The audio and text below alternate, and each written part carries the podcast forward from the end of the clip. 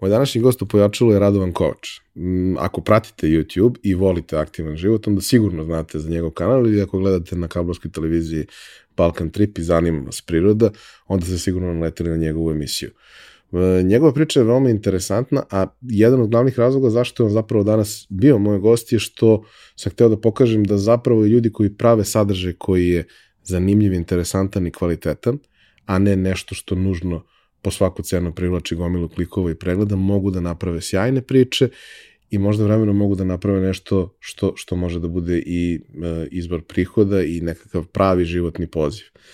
Njemu je trebalo dve i po godine da dođe do toga da to zapravo ima nekog smisla, a mislim da će u narednom periodu to dobiti još dodatne podrške i ovo je jedan od načina da ja podržim njegovu inicijativu koju, koju pravi i da možda nekim ljudima koji nisu primetili to što radi pokažem i da onda veći broj ljudi zapravo zavoli prirodu najviše ove naše zemlje, a onda i svih okolnih, a i svega ostalog što radom radi. Uživajte. Realizaciju ove epizode pojačala podržala je kompanija Epson. Epson je već više od 20 godina vodeći svetski proizvođač projektora i štampača za sve namene od onih kućnih do profesionalnih. Posebno vam skrećemo pažnju na aktualnu ponudu Epson Business štampača. Naime, ukoliko je došlo vreme da kupujete štampače za vaše poslovne potrebe ili da zanovite trenutnu flotu štampača koju imate, obavezno istražite koja to sve rešenja Epson nudi, jer pored zaista sjajnih štampača koji vam nude besprekoran kvalitet otiska, mnogo manju potrošnju električne energije, mnogo manje otpada generisanog u procesu, uz Epson rešenje uvek dobijete i celu paletu softvera koja se kod drugih proizvođača doplaćuje, a ovde dolazi besplatno za sve njihove korisnike. Za više informacija pogledajte businessprint.com, piše se onako kako se izgovara. Hvala vam. Za slučaj da želite da nas podržite vi individualno, možete da posetite link u opisu podcasta na platformi Buy Me a Coffee i tu možete kupiti mesečnu pretplatu ili jednokratno donirati neki jednost koji želite. Hvala vam unapred na tom.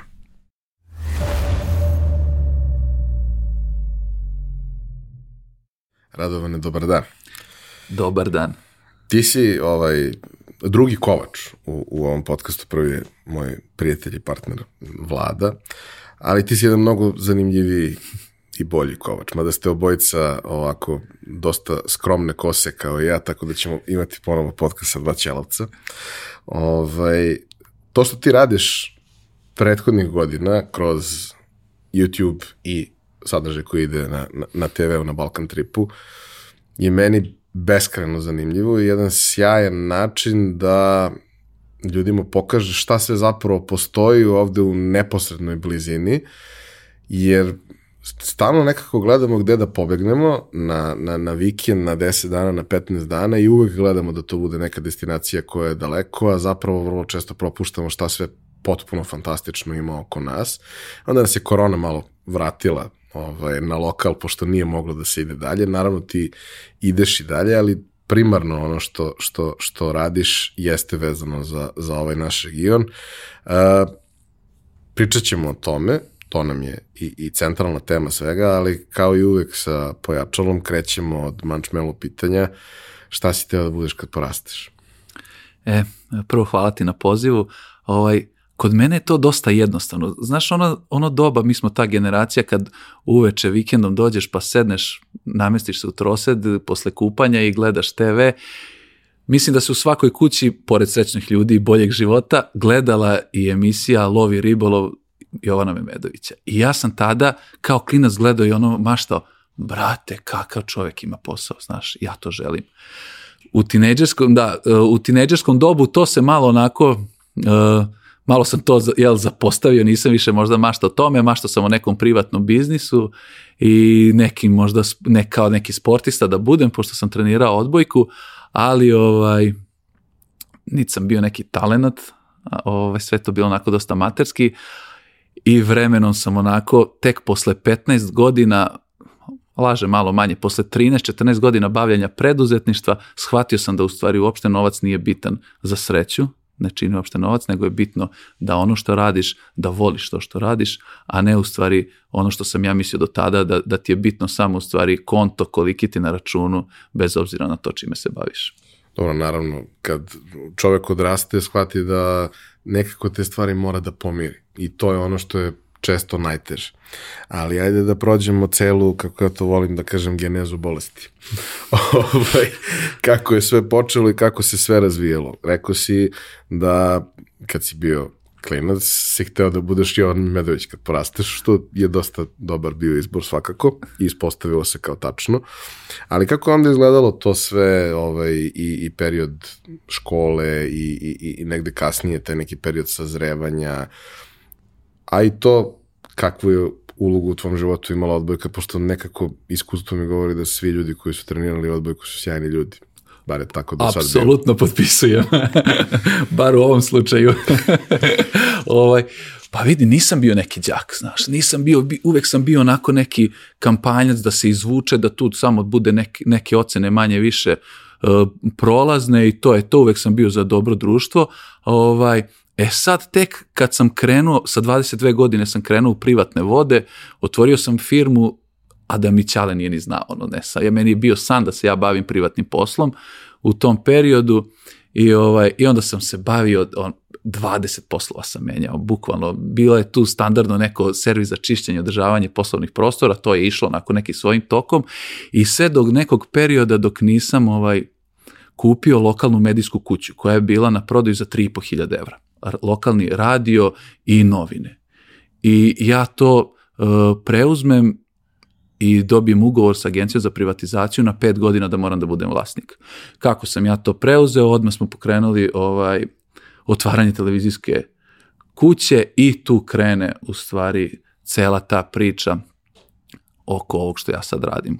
Mi smo krenuli Eh, kako je krenula televizija, tako smo mi krenuli da radimo i neku produkciju, eh, moje kolege snimatelji i ja i vremenom kako smo sve se posao više razvijao, došli smo, došao sam na ideju daj brate, stalno se trudimo da nekom drugom snimimo nešto i, i, da, i trudiš se da to izgleda što bolje i nadaš se da će to neko da vidi što si ti uradio, nekako da se poniš. Nema veze što niko ne zna da si to ti uradio, ali ti znaš da si to ti uradio i nekako ponosiš se time koliko je ljudi to videlo.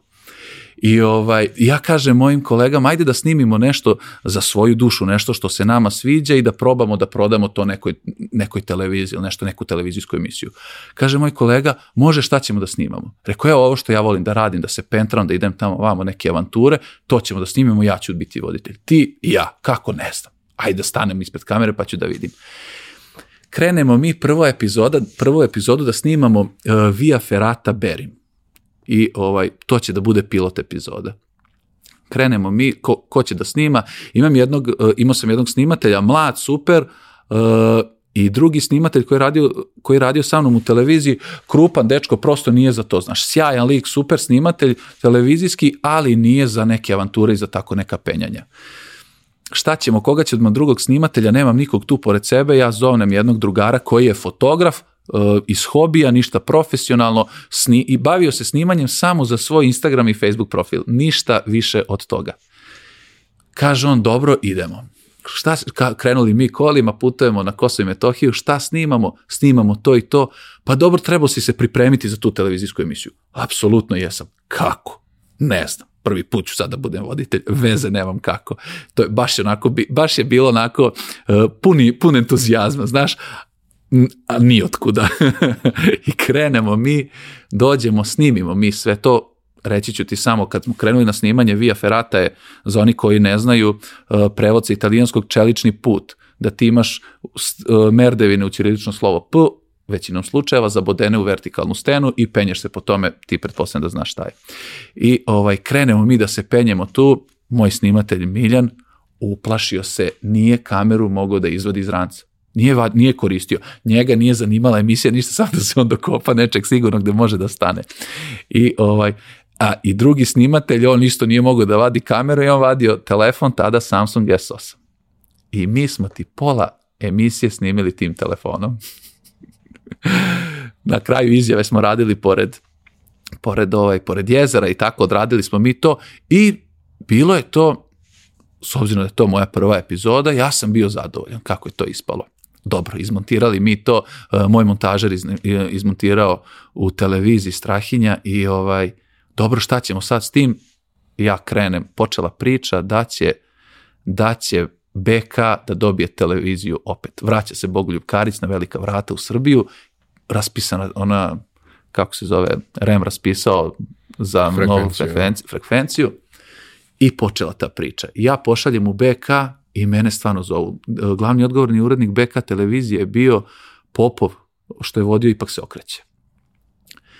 I odem ja kod njega i mi se tu raspričali, sjajan čovjek, neverovatan. I gde on meni, e to je sad došlo ono ključno što je on meni rekao da sam ja super. Ja to nisam uopšte te gledao tako. Ja, ja kažem, dobro je, ok, a vidi ono destinacija, super je destinacija, sve ovo je ludački, ali ti si odličan, tebi ovo ide. Ja to uopšte nisam tako gledao.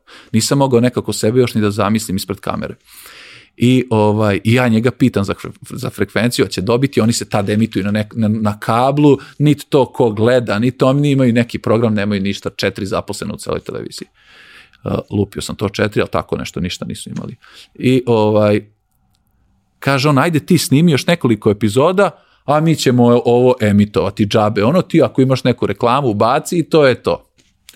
I on meni da savet da se vidi da ja nemam reditelja da nađe, kaže, tebi je montažer bio reditelj, rekao, jeste, dobro, vidi se da ste ti on radili, nađi jednog reditelja, nađi nekog mladog tu sa akademije koje tek počinje, pa kao s njim bi mogao da uradiš e, nešto konkretnije, da to bude još bolje. Ukaže mi neke greške koje smo pravili i tako. Dobro. Krenemo mi, ok, sad ćemo mi naći reditelja. Krenemo mi da tražimo u međuvremenu snimatelj koji tada nije išao sa mnom, e, taj krupni dečko Tomi, e, kaže on meni, e, ima letenje balonima kod nas u, sen, u Senti. Letenje balonom, cool. Gde si čuo kod nas? Ima Kapadokija, gde ima još? I kao tu je neko društvo, tamo vamo, ajde da probamo. Ja zovnem čoveka i on meni, bilo je možda 7-8 balona, par hiljada ljudi došlo da gleda i on mene ubaci u jedan od tih balona da ja letim. I snimatelja, tog Tomija. Ajmo. I mi odemo i opet bez reditelja snimimo jednu epizodu o baloniranju vratimo se, izmontiramo, u međuvremenu nađemo reditelja. Dobro, ni s tim baloniranjem ja još nisam nešto za, zadovoljan, Nađe, uh, uh, ali kad smo našli reditelja, reditelj je sa mojim montažerom izmontirao tu epizodu. Dobro. Ajde sad da vidimo sa rediteljem šta ćemo da snimemo kao treću epizodu. Još uvijek nemamo pravu pilot epizodu. Šta ćemo da snimamo? Pita mene on, ja rekao, idem ja stopiram od Sombora do Koponika na otvaranje ski sezone. Dasku i ranac na leđe, ja stopiram. Jesi ti lud? idemo pa ćemo da vidimo. I sad kako da se organizujem, ne mogu da vozim kola, treba neko da snima, da ide on, da vozi, ja pitam mog burazira, aj reko ideš s nama, vratit ćemo se sutra uveče sa kopak, te? Kažem, pa neš ni stići, ko će da ti stane, ti normalan, kaže on. I, i, I uglavnom svi su bili ovaj, ono, u tom fazonu ko će da ti stane. Rekao, kako niko ne kaže šta ako ti neko stane u Somboru i odvezete do kopa i tebi propadne emisija. Rekao, niko ne misli tako, znaš. Svi su odmah negativni. Ja rekao, mi idemo mi pa ćemo videti. Stignemo mi do kopa za 7-8 prevoza, snimimo emisiju, vratimo se, zapne sa rediteljem i njegovim montažerom, zapne to u montaži, nikad se ni ne izmontira. I ja nađem trećeg čoveka. Mog drugara Daniela. Sadašnjeg drugara, tada se nismo poznavali. Uh, preporuči mi ga moj jedan prijatelj reditelj, sada je dobio upravo nagradu za najboljeg mladog reditelja u Europi i kaže on, imam jednog dečka koji je odličan videograf, on je po struci automehaničar, kaže, ali odlično radi svoj posao i upravo su radili jedan projekat, nešto slično ovome što ti radiš. On i njegova devojka. I dogovorimo se mi, nađe on uh, njegovog drugara koji snima dronom ih pita on, daj mi neke predloge šta, bi, šta misliš da snimamo. I izme, među svim tim predlozima je jedan bio vodopadi na staroj planini. I on kaže, idemo to. Početak juna, mi odemo, snimimo epizodu za tri dana, on je izmontira i konačno dobijemo pilot, pilot projekat, koji, pilot epizodu koju, koju sam ja hteo da pokušam da prodam nekim televizijama. Ja sam odužio mnogo. Nisi, nisi, nego mislim... Slobodno prekidaj ovaj... mi je fascinantno ovaj, taj nivo ludila za osobu koja je odrasla. Da. E, tek sad kreće ludilo. Slušaj sad, kažemo mi, ajde sad, sad ću ja to, ma, ma ljudi, ma televizije jedva čekaju moju epizodu, znaš, to je taj, u tom fazonu sam ja tad bio. pokušavam ja naravno RTS konkurs ovo ono ma niko ti ni ne odgovori. Mailovi čuda lomi udaraju zid tamo vamo. U međuvremenu se desi prodaja prve i B92 Grci prodali. I ja uspem preko nekog prijatelja pa jedan on mi dan broj nekog političara koji ima broj od jednog od braće Milovanović koji su Zvezdana koji je isto političar u Nišu i on mi nabavi njegov broj ja ga zovnem, tako i tako imam emisiju, kažem pošalji mi na mail. Da mi mail, ja pošaljem, ono cupkam nogama, nedelju dana ne, ne odgovara ništa, ja ga zovnem opet. Kažem pošalji na mail. Ja opet pošaljem, prolazi, ajde neću nedelju dana, prođe malo više dok on to vidi. Ovaj, pa prođe 10-15 dana, pa ga ja zovnem. Pa, I tako pet puta. Na Viber slao, pa na mail, pa na Viber, pa na mail, pet puta poslao. Posle pet puta zove čovek. Kaže, ovo je odlično. ja rekao, pa hvala Bogu, nego šta je nego odlično. Kaže on, a šta bi ti želao? Da se emituje, rekao. I ništa više. Ništa me ne zanima, samo da se emituje kod vas na televiziji. To ti je rešeno, kaže. Idem ja u utorak za Beograd, ja ću to sa bratom, rekao, ja sad ono pokušavam da odigram, ajde, rekao, ne morate mi vi to rešavati, da ja vas ne zamajavam, dajte mi broj nekog producenta iz televizije, pa ću ja s njim ime samo preporučiti. Ne, ne, to je, kaže, bastion u koji ne može da se uđe, kaže, to ću ja da rešim. Samo me podsjeti utorak. Ja utorak, jedva dočekao utorak, zovem vam, evo me, ja sam u putu pred Beogradom, sad ću ja to. Nikad ništa. Nikad ništa odgovor. Pokušavao sve moguće televizije, ništa. Kaže meni moj prijatelj koji se bavi poslom sličnim kao ti, kaže on, ovaj, ajde ti to okači na YouTube. Ja, ja, meni YouTube totalna nepoznanica, koristim ga ono za neke stvari, ono how to do nešto. I ovaj, i on je mene tu ubeđivao nekoliko dana i ja okačim to na YouTube i tu ja završim sa mojim projektom vezano za emisiju. I ovaj, u, plašio sam se, pošto sam ja iz Kula, jel, manja sredina, nekako sam se plašio lokalne zajednice, znaš, od, mislio sam ono, vidi ga šta ovaj glumi, on će sad voditelj da bude i takve stvari, međutim, toliko sam se prijatno iznenadio da, da me cela moja sredina, tako su me podržali, svi mogući su to delili na društvenim mrežama i onako skupio se tu neki, s obzirom da je tek okačeno film broj pregleda, mislim da je bilo oko 30.000 pregleda po epizodi za tu prvu epizodu. I tu se stavi, tu stavim ja tačku na to, krenem ja svojim redovnim poslom, pa ću videti šta će biti s tim. Posle nekog vremena zove mene jedan dečko, e, video sam tvoju emisiju na YouTube, ono je super, ja otvaram televiziju, ja bih hteo da se ovo emituje kod mene. I ja razmišljam, vidi ovu budalu, brate. Sad će on da otvori televiziju. Znaš, sad ko da je televiziju, znaš, otvoriti, eto. I ja to, ja onako to pustim, kaže Miljanu, zvao me neki, zamisli, on hoće da otvori televiziju. I ja, mi se tu onako sprdamo s tim, ništa, prošlo to, mi nastavi, naravno, se ja njemu javio, ni ništa.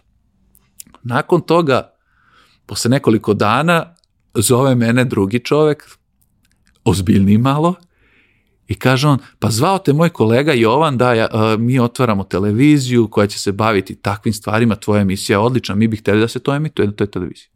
I ja rekao, a vidi, ovo ipak nešto zbiljnije, znaš, nije onako kao što sam ja mislio. Kao, ajde da se vidimo tamo vamo, rekao, ajde dolazit ću ja ovih dana u Beograd, pa kad dođem, gledamo se. I posle nekoliko dana, Miljan, moj snimatelj i ja u Beogradu, snimamo nešto, ja kažem njemu, hajde zovnemo da vidimo šta je sa onim. I ja zovnem tog dečka Jovana koji nas je prvi zvao. On na drugom kraju grada, dolećem, kaže, gde ste tu i tu, mi stali ono najobičniji neki lokal, picu neku jel, jedemo, doleti čovek taksijem, trče onako zadihan, rekao, sedi na picu. Pa ne, sedi na picu i mi se tu ispričamo i vidimo njegov entuzijazam koji je odličan, stvarno otvaraju televiziju i s Jovanom se sarađujem i dan danas. To je u stvari današnja Balkan televizija. Jovan je jedan neverovatan lik, sjajan lik, toliko energije u njemu ima, toliko se bori sa lavovima ovaj, i naprave jednu odličnu, odličnu priču za kablovskog operatera koji danas ima 1% share, njima je bio tu do 1%, cilj im je bio 0,7, ostvarili su ga ono jako brzo. Moja emisija im je, ja, ja mislim, prva koja se emituje, pored njihove produkcije, moja ovaj, je prva i, da, i danas sarađujem eto, na, na obostrano zadovoljstvo. Dobro, cela ta priča koju je, koju je Balkan Trip e, progurao ovde da ti zapravo imaš lokalni sadržaj tog tipa je sjajna. Imalo je na kablovskim televizijama takav tip sadržaja, ali to nikad nije bio lokalni sadržaj. Naj, ono, više što smo mogli da se nadamo je da neka od tih stranih produkcija dođe i nešto snimi ovde što je bi interesantno. Ako pričamo o kvalitetu, da, baš smo bili tanki sa kvalitetom. Tanki smo i dan danas. Mislim, i taj tip sadržaja generalno i na mainstream televizijama Tako je. postoji samo u, u obrisima, osim u slučaju Memedovića koji radi tu svoju priču godinama unazad, ali je vrlo usamljen u svemu tome, nema, je. nema neke alternative. Znaš, kad meni kažu, je- izvini, prekidam te, kažu mi, kao, brate, a konkurencija ovo, ono, koja, brate, konkurencija? Pa dao Bog da ima još deset ovakvih emisija, da imam šta da gledam. Jel ti se slažeš? Pa da. Mislim, to su stvari koje, iskreno, ja ne pratim pasionirano tvoj kanal, jer ono, ne stižem prosto sve da pratim što me zanima, ali to jeste jedna od stvari koje ja pustim uveče kad doću se opustim. Prvo, gledam ludaka, drugo gledam neverovatno lepu prirodu i dobijam od tebe kontekst u toj celoj priči. Jer, hvala Bogu, mislim, pun je YouTube dobrih snimaka prirode i dronom i kako god. Ali meni ne znači ništa da ja to gledam tako. Ima, da gledam, ima pun internet toga. Ali kada mi neko priča i kada neko ima dobar storytelling i deli neko svoje iskustvo i radi sve te sulude stvari koje ti u tom procesu ove, često radiš i sreće sve te ljude i sva ta interakcija sa njima, meni je to prosto, prosto sjajno i način, znaš, vidi se da si to autentično ti. Ne postoji televizijski format često sa sobom nosi to da ljudi moraju da se prave ili da moraju da se suzdržavaju ili da moraju da mnoge stvari rade na drugačiji način nego što bi radili da nisu tu kamere i da to ne ide na, na nekom programu. Kablovska je u tom smislu drugačije što nema toliko tih ograničenja. Ovaj, I to je možda i ono što je, što je najzanimljivije u, u, u celoj priči. A kada gledamo to, da kažem, integralno i nelinearno, kao što ga gledamo na YouTube-u, znači ne čekamo da se emituje, nego gledam šta mi se gleda i mogu pogledam pet sad ako mi se gleda, to je zapravo ono što je najzanimljivije. Jer ja sam recimo uh, pre par meseci zaređao po tvom kanalu i onda sam se vratio na neke stvari koje su stare par godina. Jer su mi bile zanimljive. I dobro, vidim ja da produkcijski postoji razlika i to, meni to ništa ne smeta, zato što je zanimljivo, zato što je dobro i e, potpada pod nešto što bih ja rekao da je prihvatljivi standard kvaliteta uvek. Znači, da, da li može nešto da bude bolje? Pa može uvek da bude bolje, ali se ne ide ispod nivoa koji je nešto što je meni prihvatljivo i okej. Uz sve to, mislim, ne znam kako to nisi provalio ranije, ali tebi stvarno ide to sve. Znaš, E, pa hvala ti, nisam ja to gledao tako, nije to sad ni bitno, sad ide pa ide, jel? Ali ovaj, meni je stvarno bitno e, to što ti kažeš i ja tražim uvek takav sadržaj da mi neko iz svog prvog lica kaže u stvari kako je na tom mestu, kako je bre kad ti visiš negde kad te poliva vodopad po glavi, ti se užetom spuštaš dole, znaš, daj reci mi kako je, ne znaš, kadrova što ti kažeš imaš na YouTube-u koliko hoćeš, satima da traju lepi kadrovi, skin, skineš sa stoka pa napraviš sam video, mislim, možeš šta hoćeš. A ovaj, tako da Balkan Trip jeste uradio u, tu dosta. E sad meni, ako mene pitaš i dalje, za moj ukus fali malo tog adrenalinskog sadržaja zato što ja volim. Ja ne znam, ti me ispravi ako grešim, da je neko snimao neke stvari što ja snimam. Ne pričam to da bi se ja ponosio, nego prosto ja bih volao da vidim ako ima. Znaš, baš smo onako prošli do... nema, ono što se, što se dešavalo, što sam ja isto voleo da pratim kroz, kroz Medovića, bilo je tih momenta da osim to predela, razgovora sa ljudima, bude i, ne znam, uh, spuštanje niz kanjona ne vidio, pa ti vidiš tu neke stvari koje su stvarno zanimljive, drugačije i tako dalje. I tu ima i tih momenta neko se oklizne, negde se Jest, nešto desi i tako, ali to je vrlo redko, to se desi nekoliko puta godišnje, možda da ima nešto to Tako tipa. Naravno, on je imao i sva ona putovanja i taj deo ribolova po Sibiru i Svi tako dalje. Sve to, to je nestvarno bilo. Sve to bilo fantastično, kao to je nešto što jedan vrlo mali broj ljudi može da radi i zašto je u suštini naravno preduslov da si deo ogromnog sistema i da si samim tim interesantan nekome ko će da snosi za početak sve troškove toga svega, pa i da ne zaradi niko ništa, Tako samo je. troškovi da budeš na nuli su... Pa ja sam, ja sam znao, snimimo, sećam se, snimamo epizodu u Boru, vratim se, podvučem crtu, minus, ne znam, 20-30 evra. Super, rekao. Ali ja tu ne računam amortizaciju vozila, znaš, i tako neke stvari. Neće uti, te stvari ni ne želim da računam da se lakše osjećaš, znaš. Bilo je tu, tek smo sad došli na neku, na neku granu da ne ide, da, da se zaradi nešto, ajde, ne mogu kažem da se ide u minus, ne ide se, zaradi se nešto, tu nam je Jazak sponsor, stvarno, eto, oni nam znači, onako, dosta i super nam je saradnja, ne znam sa kim je bolje, da li sa Balkan Tripom ili sa njima, da nema njih, verovatno ne bi ni bilo ni emisije, I ono što je bitno, bitno entuzijazam kod ljudi je tu meni, montažer Nemanja jedva dočeka i kad, kad smo znali da, da bez para da radimo i dan danas odemo snimimo neki vlog za sebe, on jedva dočeka da dođe da montira to da to izgleda što bolje, znaš. To je to. Ključ je zapravo da skupiš oko ljudi, sebe te ljude s dijagnozom. Bukvalno tako, da. Pričao sam o, spominjao sam, kaže, ovaj, sad dogovaramo neki prenj. Hoćemo turno da radimo na prenju Prenje planina kod blizu Mostara, ludački dobro izgleda, divlje skroz i sad turno skijanje. Znaš šta je turno skijanje? Mm. Uh, skije koje na pre to bila sintetička koža, stavljaš dole, danas, uh, danas je sintetička koža, pre bila koža od foke i ti ideš, šetaš po tome, ne klizaš unazad, dođeš do gore, skineš tu kožu, imaš redovne skije i pičeš gde god hoćeš. Što kaže Janko iz Kolašina, kao da porediš zašto, zašto bi išao tamo, da se penješ satima i spustiš se jednom, kad imaš ski centar da Kaže on, pa kaže, to ti je kao da imaš dobra kola i voziš ih samo po parkingu. to je još jedan čovjek sa dijagnozom. I, ovaj, I dogovaramo mi da idemo prenj. A snimali smo nešto slično na Sinjevini. I kaže, ovaj, ja reko, dogovorimo da idemo, da se penjemo na jedan od vrhova, spustimo se na drugu stranu, potpuno nedođija, ima jedna kolibica stara, katu neki, tu ložimo vatru, spavamo, spremamo jelo, tu provedemo noć, sutradan ustajemo, penjemo se na drugi vrh i odatle se tek spuštamo u civilizaciju. I gleda mene ovako, ovaj, moj snimatelj Nikola, kaže, mhm, dobro, jel znaš da će da bude šaraf teški, da ćemo da crknemo? Znam. Jel znaš da to će biti, imati jako malo pregleda? Znam. Aha, bolite kurac, snima zbog sebe. Pa normalno, rekao sve snimamo zbog sebe, snimamo da bi nama bilo lepo. Pa ako se ljudima svidi da gledaju, super, ne gledaju, znaš. I ovaj je, eto, ne, i, i to je nam i onako, znaš. Dobro. Uh, ajde samo da te vratim malo nazad.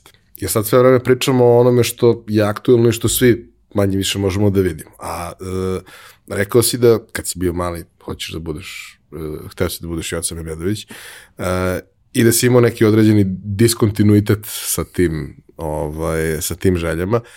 Kako si ti uopšte počeo da otkrivaš prirodu? Pre nego što je došlo bilo kakvo snimanje i bilo šta, da bi došao do toga morao si prvo da malo i znaš i gde ideš i šta da radiš i kako to sve funkcioniše, a posebno što u tvom slučaju stalno negde vidim da je to porodična aktivnost. Ne može uvek da bude kroz emisiju i neke stvari koje radiš nisu za, za porodicu, nego su za tebe kao pojedinca, jer su previše ekstremne, ali to jeste možda jedna od, od najlepših porodičnih aktivnosti koje, koje možeš da imaš. Pa prosto kako je, kako je tekla za bolesti pre emisije? Pa primio sam pelcer od Ćaleta.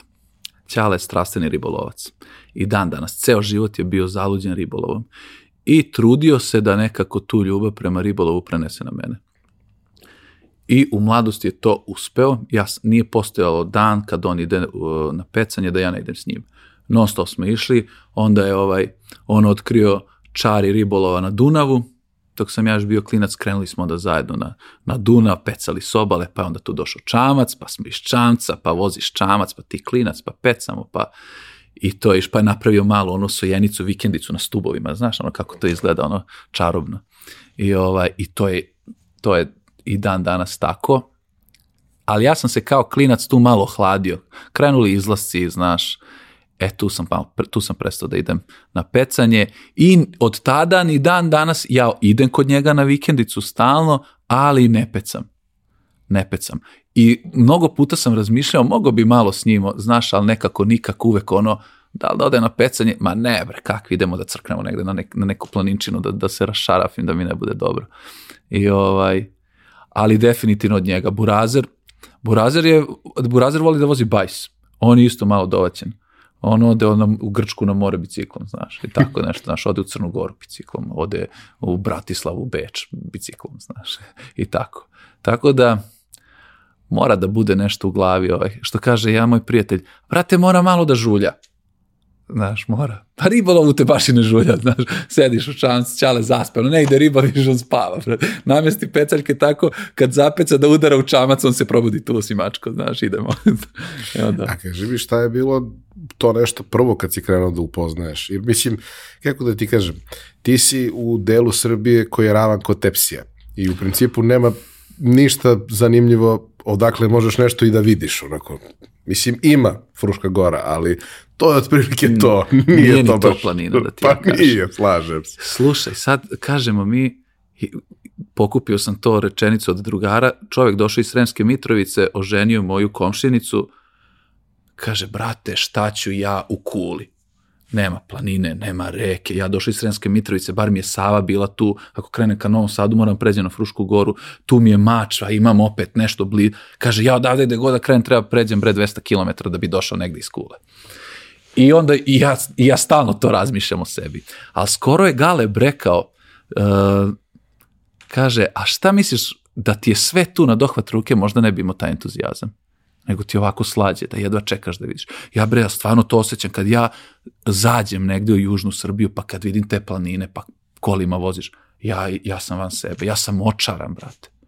Majkim, ja sam očaran. Ja bi odmah zabao negde šator, kombi, spavanje u kombi u šatoru, zna, odmah, odmah nešto.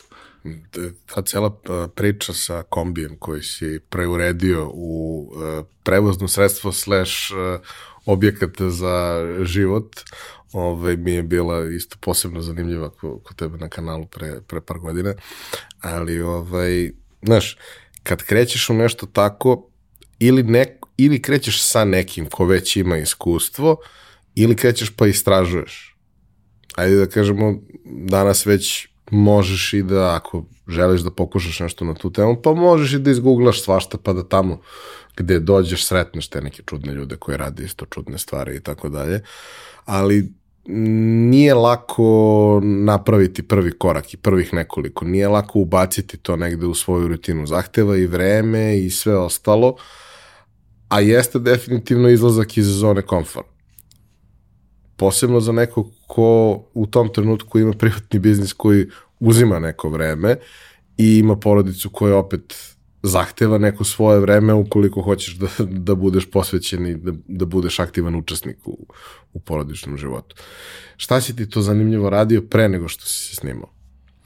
Uh, pa ja sam uvek voleo tako nešto, ali nije, nismo, nisam koristio tako internet da bi ja istraživao, nego kad odeš negde, pa ne znam, upadneš samo u neku pećinu, znaš, pa se penje, pa supruga tu bude sa mnom, mi se gledam da se popnem negde, znaš, nisam, niti sam ja znao nešto da ne trebaš da ideš u pećinu da diraš, da, da diraš nakit i tako, naš pećinski nakit i te stvari, nemaš pojma, znaš, nemaš gde da naučiš ovaj, ili imaš, ali se nisam nešto cimao i trudio oko toga. Ali ovaj, sada uvek preporučim kad neko ide da uvek nađu lokalnog vodiča. Neverovatno je koliko će da ti pomogne, koliko će da ti ulepša taj dan, koliko će da ti bude jednostavnije, da ne lutaš, nego ćeš da vidiš ne, ne, ono što je najbolje u, u, tom, u tom kraju. A svaki kraj ima nešto da ponudi zanimljivo. Znaš. I ovaj, i obi, obilazio sam, šta znam, dosta toga dok nisam upoznao neke ljude. Tek kad sam krenuo da radim emisiju, e onda se mi se počele otvarati i vidici i, i kontakti pravi, ljudi pravi, da, da, ti u sva, da sad u svakom momentu uh, znam gde šta ima da se ponudi, znam koji su ljudi odlični za taj neki region, šta će da ti pokaže najbolje. Ja, ja u svakom momentu imam 40 tema da snimam epizodu. Sada u, uvek mogu, i samo u Srbiji, bukvalno. Toliko toga još ima koje što nismo snimali, a tek, tek, se na, tek, tek planiramo. Uh, zaboravio sam šta si me pitao, odlutam sam. Od izvini. čega se od čega si krenuo? Šta su ti bile prve stvari? Mislim, znaš, kao jednom trenutku, ono, uvek ima ljudi koji kad odu da. negde vole da vide šta još ima izvan hotela, rezorta, čega da. god, ovaj, ali jedna stvar je da te to minimalno zainteresuje, a druga stvar je da kreneš u nešto što je realno mnogo više avantura nego što je turizam. Sad ću odmah ti kažem, sad mi je palo na pamet. Uh, Išli smo, ne znam, i kajak sam pičio i tako neke speleologije, ali sve to sitno sam, nešto nevezano. I ima paragliding u Temerinu. Temerin, kod Novog Sada. Nema brda. Znaš, kako paragliding u Temerinu? Odakle? Idemo da probamo. 2000 dinara. Mislim da je tako nešto bilo. Možda i manje, nije ni bitno. Mi odemo, e to je sad ta ludost o, kojem ja, o kojoj ja pričam. Uh, pick up zastavin, neregistrovan, u fazi raspada. Nema onu zadnju kupolu, znaš. Nazad baštenska stolica iz 76. godine. Plastična, polupukla. Pored njega uh, točak, onaj bubanj od veš mašine na nekim nogarama i konopac okomotan oko njega. Konopac, ne uže, konopac. I batica sa paraglajderom. Idemo, kaže, vučete, u, to, to je, taj kanap te vučeti, zakačimo se tandem let, on nije licenciran uopšte, nego čovjek leti paraglajderom i, i mislim da je položio, ali leti za svoju dušu, nije nikakav licencirani vodič ili šta god pilot, kako se kaže za paragljdere. Idem ja, boli me, letimo, bre, ajde, bogati. Pok, krenuli mi, druže moj, piči onaj pick up po onim matarskim putevima, prašina leti, mi samo se odvajamo. Ja visim, ne mogu da upadnem u onu stolicu, visim, znaš, probaj da se podigneš, ma nema šanse, ja, znaš, visim, nema veze, samo će ti biti malo neudobno, neš nigde. Otkači se, ja čupam onaj konopac, otkačim se, letiš, pičiš po Vojvodini, letiš paraglajder. Ne treba ti brdo. Jeste malo lakše kad imaš brdo. Jeste, lakše i lakše kad imaš nekog stručnog, stručnu osobu pored sebe. E, baš Galeb, ovaj, je, njegov kum, momčilo koji je bio i kod nas gost, je napisao onu knjigu kako sam uh, prestao da budem turista i postao putnik. I to jeste zapravo ono, dve potpuno različite dimenzije slične stvari, dva potpuno različita doživljaja možda istih mesta. E, kako si ti prestao da budeš turista i postao putnik? Odnosno, da li si ikad i bio klasičan turista? Nikad. Nikad ja nisam, nikad me nešto nisu privlačili gradovi, znaš. Nik, nikad nisam bio taj tip, uvek sam bio uh, privržen prirodi, da odemo negde u divljinu, da odemo u neku šumu, da spavamo u šumi, da kampujemo, da nikad nešto nisam voleo da idem, da, da obilazim gradove, znaš, ovaj, par puta sam bio, ne znam, sa drugarima, ne znam, Valencija, lažem nisam Valencija, nego Barcelona, Malaga, ovaj, i to je to malo, ne znam, Budimpešta tu nam je blizu, ali to je to, nikad ne, nešto nisam kao žudeo, kao gde ti je želja da ideš, ne znam, Rio, lupam, bilo koji, nikad, znaš, sada me pitaš koji grad želiš da posetiš, ne znam, pa ne znam, ono, radije bih otišao na taru. znaš, e sad ovaj, tako da nikad nisam bio neki turista, znaš, kad odem na more, ja nisam bio neki lik koji će da, da ide da skita po centru, po gradu, ne, brate, ono, ja bi radije da odem na neku divlju plažu, da odem negde na neku planinčinu, negde da se veremo, da imam pogled, pogled mi je uvek onako bitan, pogled mi je pola, pola letovanja. I dan danas, ove godine je bilo imao sam neki posao, kaže supruga, ono već je poludela, počinje avgust, radovane, ubiću te, ne budemo li otišli na more, znaš. Dobro, rekao, ajde vidimo šta ćemo. Ništa, idemo da kampujemo u Grčku sa čerkicom, idemo da je testiramo malo, otišli smo na, na Filipov breg, proveli jednu noć, spavali u šatoru, e, ko za inat, sedam stepeni noć. Ona mala, koliko je imala tada? Poslagaću te, nije imala godinu dana. Imala je. Nebitno nek, godin, imala je godinu dana. Žena će me ubiti kad bude slušala ovo. Žena, ovo se snimalo u januaru prošle godine. ovaj, I kažem, provedemo mi jednu noć tu, a, a svaku noć, čerkica mi je takva da se svaku noć budi. Budi se nekoliko puta, okreće se, vrisne, zatekneš je na drugom kraju kreveta i takve stvari. Dete ko dete. Tu noć mi je ušuškali kako je zaspala uveče, tako se ujutro probudila. Mrdnula nije. Ja ne znam samo ako je možda glava ovako okretala. U gasim grejanje ove zime. možda je malo i ludi gen. možda, ne znam, ne znam.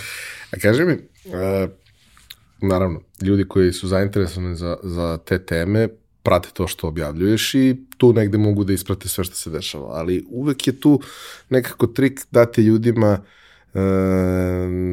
put da prevaziđu ulaznu barijeru. Odnosno, kako bi ti preporučio nekome ko je možda mlađi, a možda i nije mlađi od, od nas, ali jeste zainteresovan za ovo o čemu ti pričaš, od čega da krene? Šta je nešto što je sasvim lep i lagan početak i kako bi ta priča trebala da se razvije dalje. Za početak, ono, zamisli da pričamo o osobi koja živi u Beogradu ili Novom Sadu ili negde u centralnoj Srbiji i ima posao od 9 do 5, što znači da je opcija samo vikend i da to može da bude nešto što će da traje dan, dva i da ne treba da bude previše ekstremno na početku. E ovako, prva, prva varijanta da bude hiking na Borski stol. Borski stol je planina koja je sjajna, neverovatna, toliko lagana, jednostavna pešačka tura u trajanju od 45 minuta. Ništa, ništa zahtevno, a toliko moćno izgleda. Sa jedne strane potpuna litica, ti pičiš, pešačiš lagano do gore, još pogotovo, eto, nema 45 minuta traje. Nek praviš pauze, nek traje i sat vremena, boli tu koliko god da traje. Napraviš ta, dole ima uh, planinarski dom, imaš mesto da, na, da, da spremiš, da klopaš, da odmoriš, šta god da uradiš, popneš se do gore. Pogled je nestvaran, nestvaran.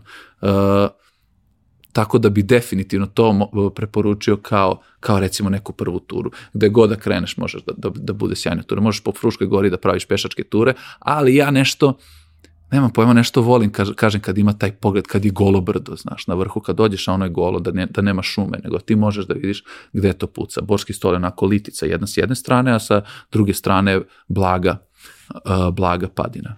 Tako da bih definitivno to preporučio kao neki početak, a uvek kažem, znaš, mi trčimo na neke, i sam si rekao, da destinacije po celom svetu, da vidiš ovo, da vidiš ono, a nisi video to što imaš u svom dvorištu. Mi smo znali da najđemo, dođemo uh, da vidimo neke vodopade, vodopade koji su zavučeni u šumi u zapadnoj Srbiji, čovek živi tu, ima 50 godina i on ceo život da zna da imaju tu negde neki vodopad i 500 metara od njega, nikad mu nije palo na pamet da ode da ih vidi veze mi nemamo šta imamo u svom dvorištu. Znaš, i opet kažem, trčiš da vidiš bilo šta drugo ako kod sebe imaš nešto što je prelepo. Kreneš od toga šta bi pokazao da ti dođe neki prijatelj. Šta bi, i kaže, aj odvedi me negde u prirodu, šta bi, ti, šta bi mu to pokazao nešto što je ovde blizu tebi. Odeš od toga, kreneš. Dobro, ali neko ko ne zna, treba mu uvodu tako nešto. Apsolutno. Boski Ajde... stol, hiking tura lagana, svaka preporuka. Dobro. Ajde da raščlanimo Srbiju na delove.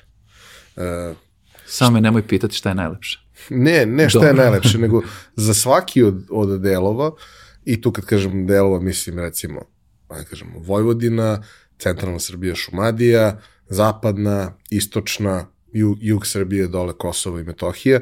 Za svaki od tih regiona, šta su neke stvari koje ti ono, koje tebi ostavljaju najlepši utisak. Ima dosta toga što su ljudi već i, i, i videli i poznato im je ajde da se ne držimo toliko toga, nego te stvari upravo koje nisu toliko eksploatisane i poznate.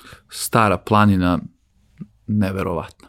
Neverovatna, toliko neotkrivena, skoro su pre, ne znam, dve, tri godine otkrili novi vodopad. Znaš, e, trećina svih vodopada koja se nalazi u Srbiji nalazi se na staroj planini. I, ovaj, i ona je čarobna. Čarobna. E, recimo to je ako me pitaš za taj, taj neki istok. E, Đerdap, Đerdap je neverovatan, gore, gore da se popneš pogled, možeš krstarenja, toliko toga može da radiš tamo. E, jame naše su recimo najpoznatije gore na, na Miroču. Znaš, tamo e, Gorska služba spasavanja radi, radi neke, neke vežbe, tako da ima i spelologija, može da se radi za neke ko, neko ko je veći avanturista i ko ima naravno uz sebe pratnju stručne osobe. Što se tiče zapadne Srbije, ja sam očaran uh, Zlatarskim jezerom. Na re, reka Uvac je, reka Uvac je naša najiskorišćenija reka, u smislu imaju tri hidroelektrane na njoj. I, ovaj, i tri jezera. I, i, na jed, i jedna brana od, sa koje se koristi koje se, iz kojeg se jezero koristi kao pijaća voda, Radonjsko jezero. Uh, to Zlatarsko jezero, tek ti, ja sam prolazio bezbroj puta ono, kroz Kokin brod i gledaš jezero, jeste lepo i super. Tek kad uđeš, pa odeš iza tamo. To je, ja sam rekao, kao Aljaska, četinari do vode i pričamo o uslovima da ima neki normalan nivo vode, ne kao što je bilo ove, ove, ovog leta. To je neopisiva lepota, to, to, to Zlatarsko jezero. I generalno Zlatar je I zlata Prelep. je, jest, I ne, jest. ono, vrlo kultivisan, ali ne preterano eksploatisan. Odli, ma odlično, ma odlična je planina. Ovaj, savršena. Ja, ja, ja sam očaran četinarima, gde god, dođem, gde god odem da, da ima četinara, ja bi ono ušao i lego tu i samo taj miris ono mene opije. Vojvođani. Pa da, brate, te nismo videli četinare, ono na slici vidim, pa kad odem negde onda vidim. Ovaj, tako da svakako, Zlatarsko jezero, uh, volim mnogo Valjevski kraj što se tiče zapadne Srbije, Valjevo okruženo sa pet planina, ne znaš koja je lepša. Znaš koja je lepša od koje. Svi, svi trče na Divčibare, ovaj, ok, super su Divčibare, to jest Divčibare naseljeno mesto, a planina je Maljen. Uh, Maljen je sjajan, super, lio, to, Tometino polje tamo, baš, to mi onako, to sam skoro bio prvi put, očaran sam koliko je dobro. Ovaj, Vojvodina. Vojvodina, ako me pitaš šta, šta je najbolje u Vojvodini, ima toliko toga. Znaš, iako ja jesam iz Vojvodine, redko kad snimam tamo, ali Gornje Podunavlje jeste čudo. Znaš, uh, specijalni rezervat bios, biosfere, zaštićen uh, od UNESCO-a, tako da ako hoćeš da vidiš jelena u njegovom prirodnom okruženju, odeš tamo, sačekaš sedam posle podne, u letnjem periodu recimo oko sedam posle podne, osam krene da padne mrak, ne možeš da ga ne vidiš. Meni je preprečio put jednom. Uh, jelen og, sa ogromnim rogovima, uh, ne sećam se koji je period bio, jel, još ih nije odbacio, mislim da ih u februar, mart odbacuje, prepreči mi put, to je uzak put asfaltni, onako to se zove bent, kad je nasip, znaš da ne bi probila voda, i on stao, ja ovako kolima stao, neće se pomeri. Nema Da, da, šanse. Ima, to su mi objašnjavali da postoji taj moment kad vidi farove, stane i ukopa se. Kao, a Ja, ja ne znam za to, nisam znao. za, da se skloni, da preživi, kao, pa ne, ne, stane i ukopa se. A Dobro. moj burazir, moj burazir onako koji, ja mu rekao, kao, aj ti gledaj, ako ima negde pored neka divljač, ti, ti vikni da ja stanem pa da pogledam. I ja sad vozim kola i on stoji popreko, ne mrda, ma kakvi ništa, a ja od njega na, na tri metra. Ja kao, i burazir ne konta, on gleda dalje, zamisli se, rekao, rekao, Sale, pogledaj napred. On ovako, uje, nazad, nazad, stani, bra. Ja sviram, blicam, ništa. Ja onako cimam kola, ništa. I samo u jednom momentu u njemu kad je dunulo, on se sjurio dole i to je to. To mi je onako bila scena odlična. Prolaze tamo, pored Ćaletove vikendice, uzmem, skoro, našli smo rog jedan ogroman. Da ga je imao u celom tom vikend naselju, imaju, uh, imaju kučići neki, znaš. I ovi su videli Jelena, Jelen zašao noć u vikend naselje, ovi zajala, zalajali, pojurili ga i on lupio glavom u stub jedan od vikendice i odbio, je- odbio rog. Već je bio period da ih odbaci, pa onda to pomoglo onako. Kao sa mlečnim zubima. Da, da, da, da, da, da, da. Tako da, eto, ne, um, Kosovo i Metohija, uh, Šar planina je neopisiva. Svi kažu da je šara. Šara je čudo, kao Alpi, brate. Kao Alpi. Skijanje na šari je san snova, u mom slučaju snowboard, ali je neverovatno. Uh, Gazivode, gazivode, neopisive, raj. Gde god, brate, da kreneš, to je, to je, to je baš prelepo. Ja sam jednak, sećam se, idemo na go, Golija. Krenuo sam, kažem, idemo na Golija, onda se setio Golija. Uh, krenemo i promašim neki put, trebao sam da pokupim drugare, da se isključim na Kragujevac, pa da idem na Čačak i ja promašim i skrenem u Jagodinu, promašim isključenje, zamisli. I, ovaj, I odem preko Jagodine i sva sreća pa sam promašio. Išli smo preko nekih sela, prolazili kroz neke vinograde, ja sam gledao, brate, ovo moguće? Ovo moguće da ovako lepo izgleda. Gde god baneš, ima šta da vidiš. A kaži mi, kako ide e, cela ta, da kažem, organizacija sa, sa putem i svim, jer prosto, ono, ako je to nešto što treba da traje nekoliko dana, ok, možeš da spavaš u prirodi, periodu godine kad je to prihvatljivo i kad imaš nekakav prostor gde je to, gde je to izvodljivo, ali prosto treba se nekako organizovati, ima tu i više ljudi sad kada snimaš, imaš sa sobom ekipu i to sve. Uh, kako, ti, kako se ti snalaziš i šta bi bio savet za neko ko prvi put prolazi kroz to. Ja se apsolutno slažem da gde god da čovek ide, i da je grad i da je, da kažemo, neko turistička destinacija ili ne, neki park prirode i slično, da je mnogo dobro imati nekog lokalca u sebe koji može da ti pomogne, da ti prekrati gomilu nekih ovaj, nedoumice, da ti nađe neko dobro rešenje, ali kad nemaš lokalca, ne znaš lokalca, kako da nađeš lokalca? Mhm, dobro pitanje. Ovaj, ja uglavnom kad sam, kad sam istraživao nešto gde bih mogao da snimam, ja sam na Instagramu gledao, znaš, hashtag nađem i onda gledam slike i uvek neko nešto okači.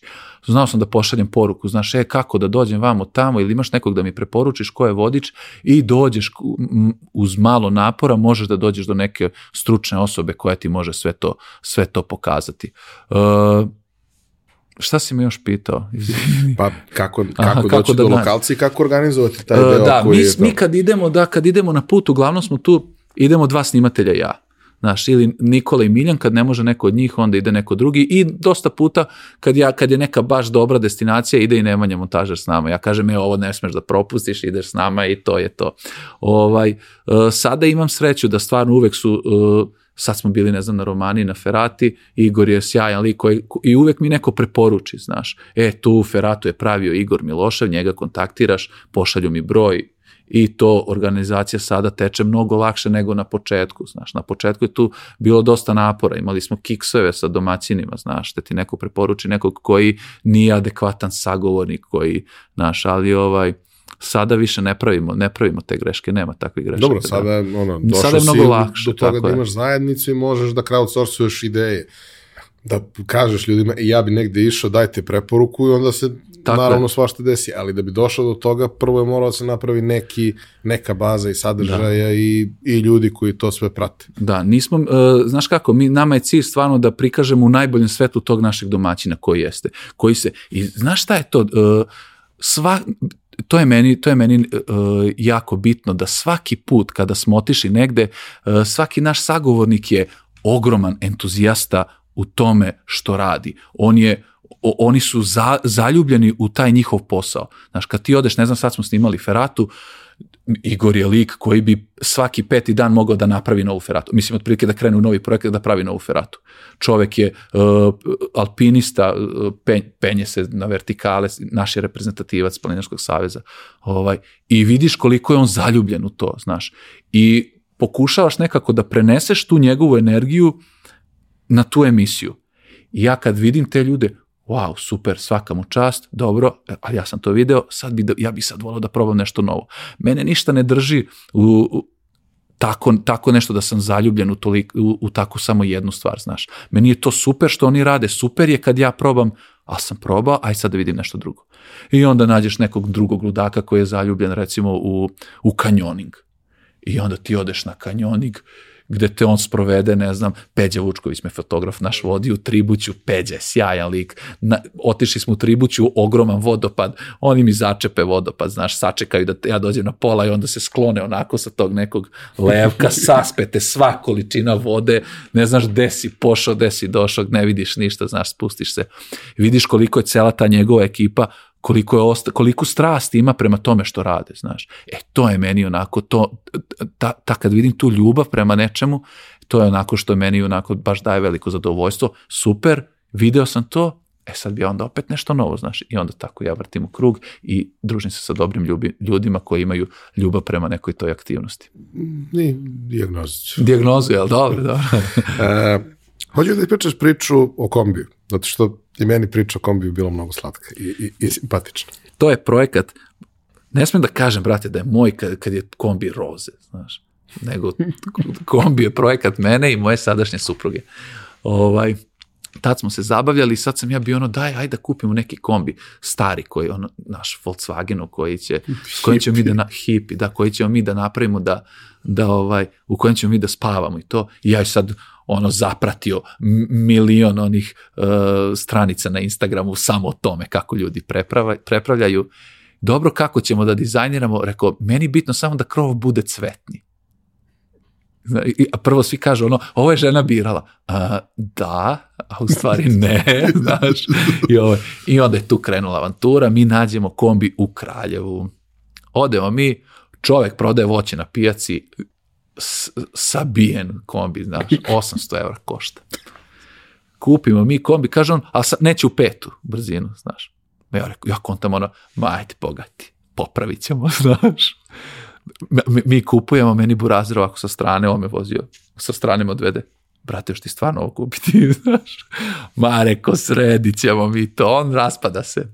Krenemo mi, kupimo, krenemo mi, ajde reko, idemo od mana i ja da poneo ja šator, spavamo, ovo nisam nikom još pričao, spavat ćemo, idemo u Goč, preko Goča, popnemo se na Goč, tu ćemo da spavamo negde u šatoru, u kombiju, šta god, i idemo sutradan kući, znaš, kad smo već kupili kombi, nećemo odmah kući, znaš. Krenemo mi, promašimo, navigacija me odvede nekim šumskim putem, traktor jedva prolazi tuda, traktorski put. Prošlo, nema asfalta, mi sad, ajde, valjda će kraj, valjda će kraj, gledamo navigaciju, navigaciju, to put, znaš. Koliko puta te Google zezno, je tako? E, jed, jedan od tih puteva je upravo bio ovo. Krenemo mi, uzbrdica, slušaj, ono sve tragovi kuda se voda sliva, užasan put. Kreće kombi da prokuvava, kreće žurka, nema, kuva, ku, ne smije, ja gasim, mrkli mrak, mi u šumi, ne dođija teška, znaš šta, ja kombi tek upalio, nemam pojma ni kakav je, prošao 20 km s njim. Ne vredi, nema vajde proko, ne mogu da ga vozim, znaš kako ga, u, on se ohladi, ja ga upalim, odmah kreće da bije, da klju, nema gasi, ne smem da ga upalim više, rekao, idemo, okrenut ćemo, izađi negde, ona bateriju, ovaj svetli gde imam prostora da se okrenem, dole litica, ovde brdo, uspem ja na jednom mestu, okrenem se i ugašen kombi. Krećem da se spuštam niz planinu. I sad ja hvatam tu zalet, vidim ja u jednom momentu moja supruga u šumi, vezuje se na zemljanom, na zemljanom putu. Pičimo mi, znaš, ona ćuti, ne progovara, vidim ja uplašila se ona, vidi ja nervozan, brate, znaš. Krenuo, spustimo se, uspemo mi da se spustimo do asfalta. Selo neko nema, nema 20 kuća i prodavnica jedna ovde spavamo, već je ono po, pola 11 uveče. Mi tu parkirali, vidiš u selu rasklapa neku šator, znaš, šator pored prodavnice. Rasklopili mi šator, ušli unutra da spavamo. U jednom momentu ja pogledam neki jugo crveni se mota tu oko šatora i ode. Dobro. Spavamo mi, zaboli u neko doba noći. Bukalo, šta se dešava? Ja pogledam, jugo stigao negde oko dva ujutru i izlaze dva lika i nose dizalicu. Već, šta sad, znaš? Prilazi on, ja rekao, šefe, šta, šta bi, znaš? Šta radite ovde? Ja rekao, kombi mi u kvaru, čekam jutro pa da idem. Ma idi bre, kaže, ovo, ovu prodavnicu drži moja keva dva puta i obijali, kaže. Kaže on, ja sam automehaničar, sad sam se vratio iz grada, evo ti moj broj, ujutro me zovi da dođemo da popravimo kombi, kaže. Ujutro mi ustajemo, ljudi dolaze po hleb, mleko stiže, ja budim čoveka, stiže dečko, još jedan čovek naišao, mi tu pokušavamo nešto, napakovali mi, Bože, znaj kako, upalili kombi, ma nisam ja prešao 500 metara, on odmah digo temperaturu, ajde mi ja za Kruševac nekako tu mi ovaj tu su mi rođaci poneo balon, balon 5 litara vode sipam nešto dovučem se ja do Kruševca pokušavali mi tu nešto da radimo sutradan ostao dva dana kod, na, na neplaniranom odmoru kod rodbine napakovali mi tu nešto i za kulu autoputem 70 Jel treba ti kažem da sam u jednom momentu čitao novine na telefonu, aplikaciju. Žena uzela uči, ona bila na fakultetu, ona uči, ispit, ja onako vozim kao 70, obilaze lete kola pored nas, ja listam novine. I onda kreće ovaj, žurka sa sređivanjem kombija, prvo menjač, popravili menjač, naravno posle dva meseca opet crko, znaš, pa smo kupovali novi, znaš, pa smo motor menjali, pa smo sređivali generalnu motora, zbog toga je ključao, šta ja znam, ventilator nije valjao, menja ventilator, menja kočnice, menja i ovo, menja i ono, naša avantura krenula i sredimo ga mi taman na leto i nakon dva dana, nakon što smo sredili kombi, krenemo na naše prvo putovanje da kampujemo gde ćemo u Crnu Goru. Prvo noćenje u njemu na Zlatiboru, pošto ja kad idem nikad ne idem ono da stignem do nek, neke destinacije, ne brate, odmor mi je čim upalim kola, to mi je kreće odmor, odmah gledam gde ću da stajem, znaš. I ovaj, i tu sam shvatio da u stvari ovaj, razmaženi smo mnogo, znaš, sad mora kola da imaju klima, klima da uređaj, da ovo, da, ne znam, sedišta ovakva, onaka, da to bude udobno. Jel veruješ da mi nikad klima nije nedostajala u kombiju? Voziš 80, otvoreni prozori, vetar piči, nikad nam vruće nije bilo, majke mi.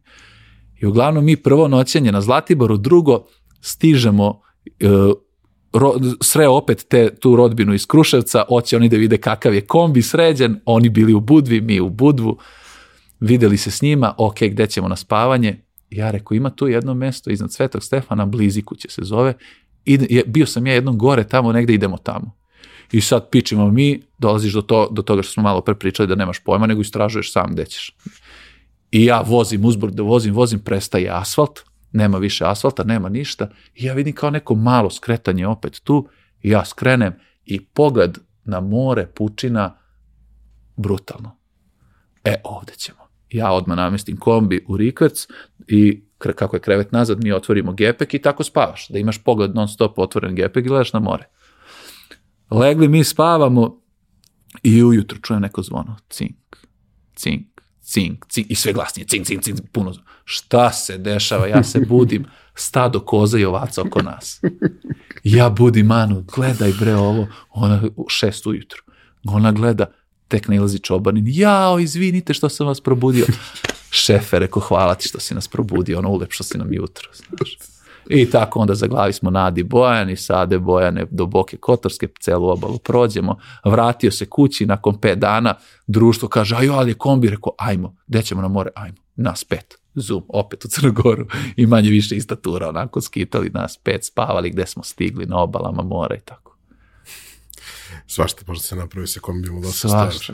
Koji pos, Malo pošto, se po, pojača malo. taj iznos, ali bitan je entuzijazam. Ne moraš da ga sređuješ ako nećeš, znaš. Mi kao šta ćemo da ga zalepimo kao foliju neku da bude šaren, lepi palma i more, znaš, da. I šta je sa kombijem? E, kombi malo nas muči ova registracija što, što se sada dešava, nije registrovan, uh, nikad neće biti na prodaju, uh, kako sam ga ja prepravio, tad je to sve moglo da bude, iako sam ja stavio druga sedišta da bi moglo da se spava u njemu, iako te sedište imaju poja, sve, sve, zakon je takav da to ne dozvoljava. Uh, još jedan peh sam imao tu sa motorom, broj motora mu je 178. Samo to, nema ono slovne oznake šta ja znam i ne može da se registruje. Iako je tako uvežan iz Nemačke, ne znam, 98. 9. 2000. bez obzira na to, ne može da se registruje. I u policiji kažu moraš da kupiš drugi motor, da koji ćeš da ubaciš tu. I tako, stoji neregistrovan kod kuće. Sad sam ga pre, posle godinu i po dana samo bacio ključ i na zub. Zum, upalio. Neg jednog dana ćemo opet mi čekam, znaš šta mi je interesantno? Interesantno mi je da sačekam jedno 20 godina i onda da ga vozim. Tebi bre sve smešno što ja pričam. Bre. Imao sam jednog drugara koji je uh, tako ovaj, u nekoj čudnoj kombinaciji ovaj, uh, kupio neko dostavno vozilo koje u suštini za slične namene planirao da koristi i sad naravno kako to obično biva sa dostavnim vozilima koja su prešla jednu veliku, pa jednu malo manju, pa jednu još manju, pa jedno četiri firme pre nego što je došlo kod njega, a i dalje stoji branding od prve firme oblepljen folija. I mi gledamo ovako sa strane I sad, on, on je potpuno deformisan. Znači, on više nema oblik onoga što je inicijalno bio taj auto. Ja gledam ovako i on kao, razmišljali smo da skinemo ovu foliju. Rekao, nemoj, brate, ova folija njega drži na oku. Bukvalno. Znači, ono, da nema folije, on bi se bukvalno raspao. Možda je to i kod mene, jel? I to da, ćeš da kažeš. Pa ne znam, ali pazi. Nikad nas nije na putu ostavio. Svaki put, pazi, svaki put kad odemo, bude neki mali kvar. Znaš, otpadne brava, od, znaš, tak, brisač, znaš, nešto, auspuh nam otpao na Adi Bojani, ali nas nije ostavio na putu, vratimo se kući. Jednom je, nos, e, da, jednom je bilo nosač motora kod Novog Sada. E, to nas je zeznulo, tu je morao kum da dođe. Posle 2000 km kum nas, kum nas je došao počne po do kule. E, tu nas je malo zeznuo, ali oprostio sam mu. Dobar je kombi. Dobro. Izvini, još moramo, ovo je dobra priča, snimali, snimamo na goli snimali na goli sneg do kolena, krenuli, smrzli se i sad golija je takva kad se spuštaš prema Raški, sve vreme je spuštanje. Kombi ne može da se ugre, brate, znaš kombi hladan non stop, spušta se i sad nema ono radnu, ne može da postigne radnu temperaturu da, da počne da greje. Sve vreme duva hladno. Ovi nazad viču pali grejanje, upali grejanje, druže upaljeno, jel duva hladno, zna. I kaže ovaj snimatelj, e neke koristi od ovog tvog kera, on gurno noge ispod vese, greje noge, smrzle mu se u snegu. Eto ti grejanje u kombiju. Pas. Dobro. E, Koliko dugo već snimaš? Uh, dve i po godine. Malo jače. Malko jače, par mjeseci jače. Kako je bilo tokom korone? Nismo snimali ništa. Ovako, krenuli smo, mislim nismo.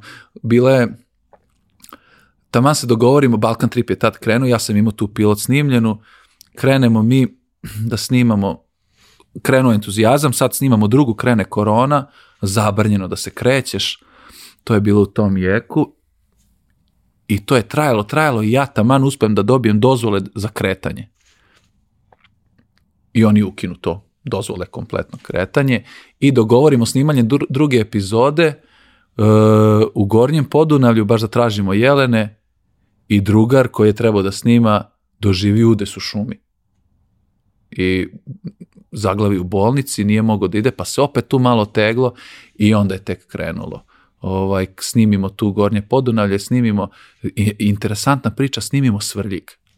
Snimimo Svrljig, u Svrljigu ima jedna prizor kao iz bajke, kanjon reke Belice, uh, na Svrljiškom timoku kupalište, jedna neverovatna pešačka tura do, do starog, do, do, do Svrljig grad, mislim da se zove stari grad, onako ostaci tvrđave.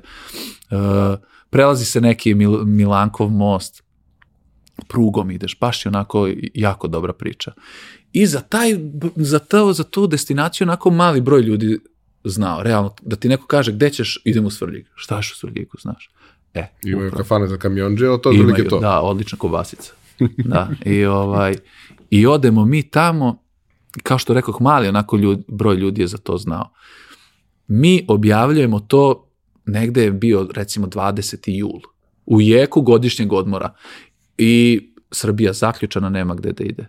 I to je bila onako najveći skok u našim pregledima, to je bila četvrta epizoda po koju smo mi snimili. E, emitujemo mi tu epizodu, ona eksplodira sa pregledima, kad kažem eksplodira 200.000. Posle nedelju dana mene zove e, Nenad, dečko koji je bio s nama, kaže, to je selo Niševac kod Svrljiga. Kaže, Radovane, kaže, ja ne znam kako ti se zahvalim. Kod nas u selu kola nemaju gde da se parkiraju. I to je onako rekao, i to je onako nekako baš velika satisfakcija za nešto što si ti uradio. Uh, ne kažem možda nisam ja doprinao svemu tome, ali ne, ne, najveći, da, ovaj, najvećim, verovatno najvećim delom jesmo. I uglavnom, ja rekao, dobro, rekao, ili imate smeštaj u selu? Pa nemamo. Ima neko, brate, svrljiški kraj čujem po ovcama svrljiškim, znaš, rekao, neko sir da prodaje ovči, nešto, kajmak, daj nešto. Pa nema. Pa šta čekaš? Trebaš sad, sad je cilj da ti tog uh, turistu zadržiš dan duže. E, to je cilj. Samo dan duže za početak, jedan dan da ostane duže. Jer je stvarno, ja sam se vraćao posle tamo, ima pećina uh, Samar, Pećina je interesantna, inače obran Guinnessov knjigor, Guinnessov rekord u njoj, uh, Milutin Veljković boravio 463 dana u njoj. To je bilo za neke potrebe istraživanja, ali je boravio u njoj i napisao knjigu Pod kamenim nebom. E, pećina je interesantna zato što ima i ulaz i izlaz i kroz nju protiče reka.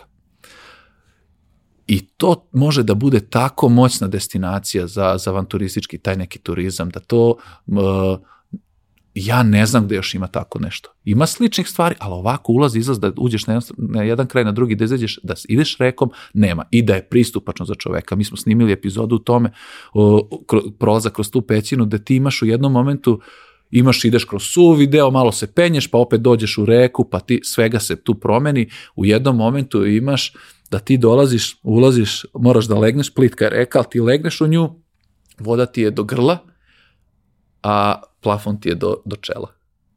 I ti trebaš da prođeš tu. I jako dobro. Nije dobro, jel? Dobro, meni jeste, brate.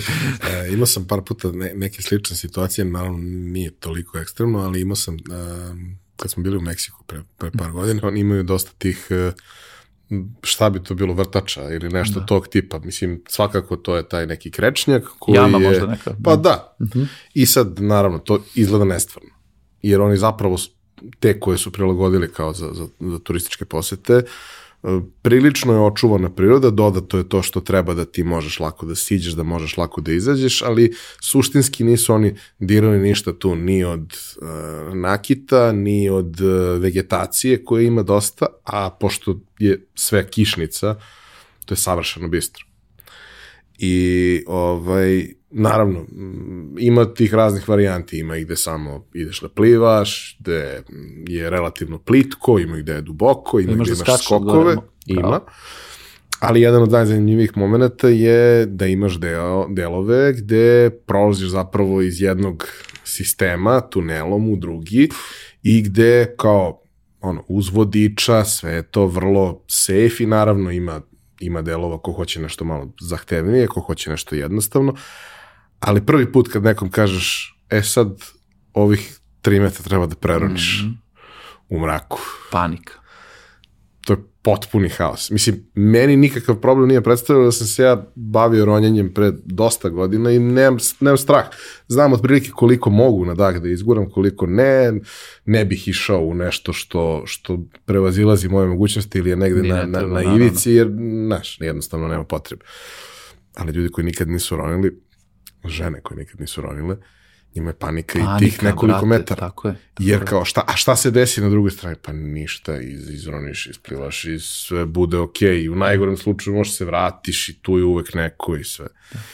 E, to može, kad- to, to i u ovoj pećini postoji opcija i za, e, jedan deo pećine ide i tako, kroz reku možeš da prođeš, ovaj samo nije prilagođeno mraki, ipak je pećina, nema nikakav izvor svetlosti, moraš da imaš svoju on, u tom momentu lampu koja može pod vodu, znaš, onako i mutnija je voda, tako da nije baš, ima drugi deo koji je suv, tako da se dalje ide ovim ovim delom. A, dobro mi je to, to mi je moćno, gledao sam ja to na fotkama za Meksiko kad, i kad mogu da skaču od gore.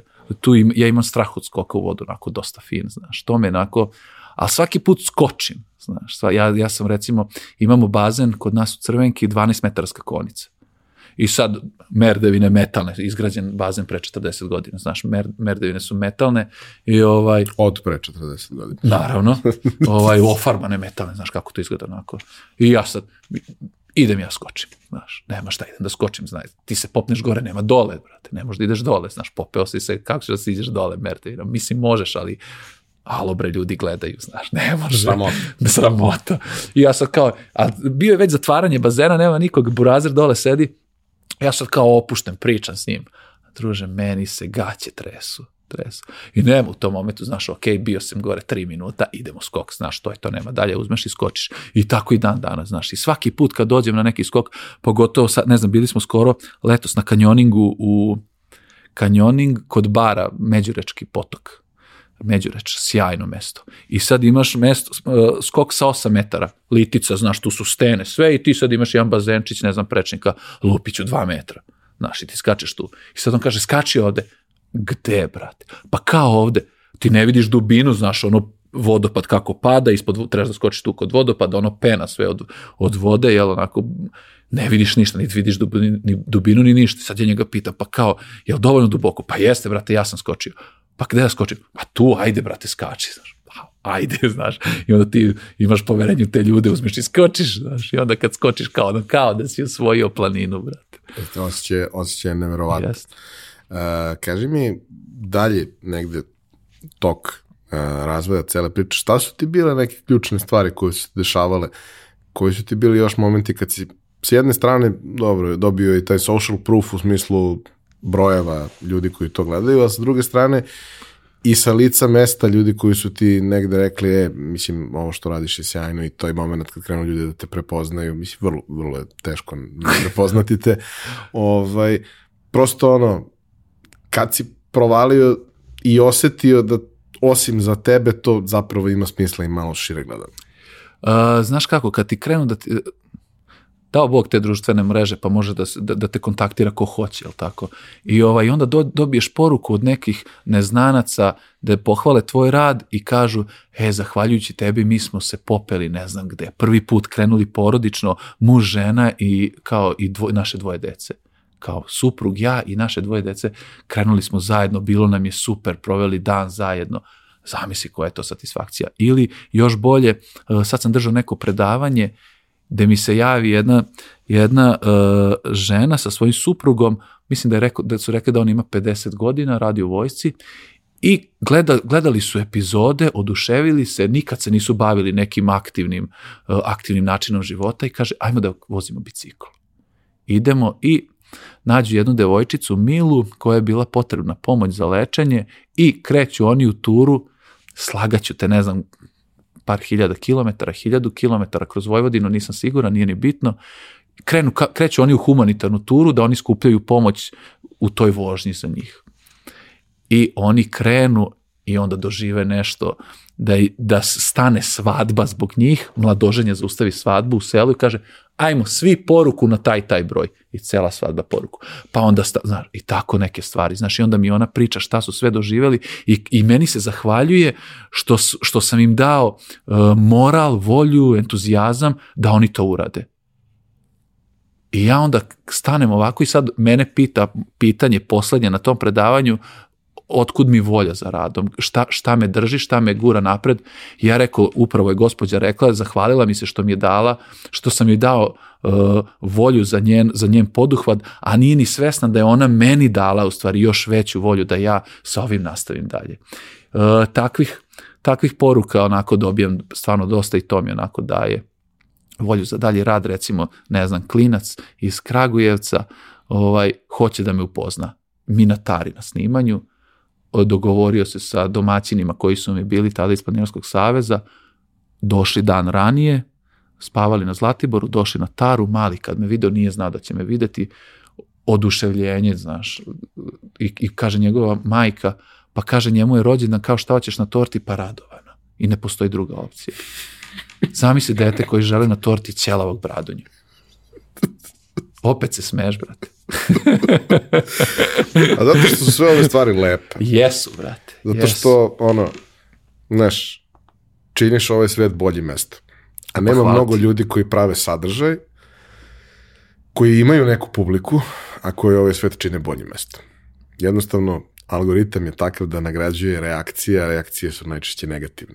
Da. Mnogo je lakše izazvati negativnu nego pozitivnu Jeste, reakciju. to nas, a, malo nas, neverovatno je to koliko više me bre vozi broj pregleda nego novac. Da ti neko kaže, ne znam, možda imaš 10.000 evra po epizodi ili milion pregleda, ja ću izabrati milion pregleda, znaš, nekako.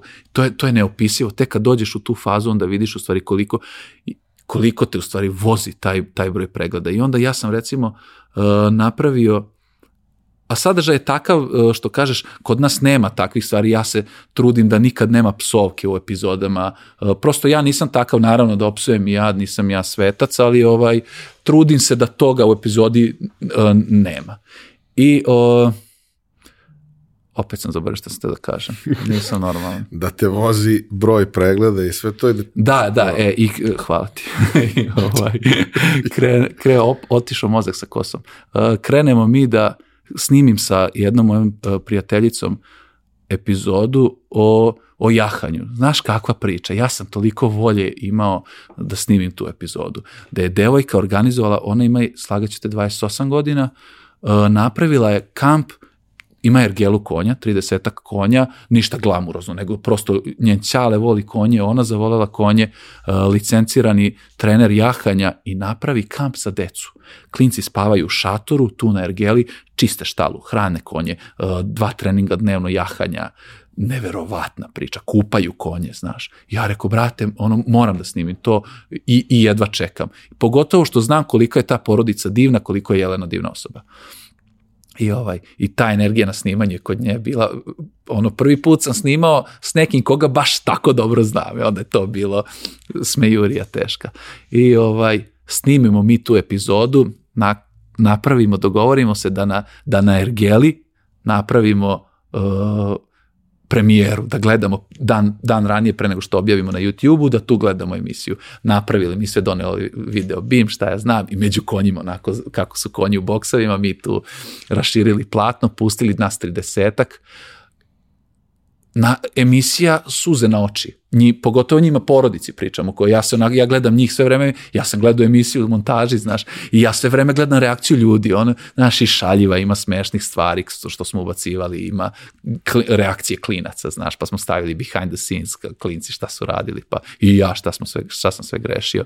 I ovaj, i vidiš njima koliko je drago, lepa epizoda, grlete posle, znaš, i ona, brate, 15.000 pregleda i dođe ti da glavom u zid udariš. Koliko smo energije utrošili. Ne zbog to, ža, prosto mi je samo žao što ljudi ne vide to u stvari koliko je lepo. I svi kažu, iznenade se ljudi koji su pogledali, ali je dobra, rekao jeste, hvala ti, znači mi što mi kažeš da je dobra, da ne mislim da sam ja možda subjektivan, kako sam ja napravio ne znam kakvu emisiju, pa znaš, a da je samo meni lepa.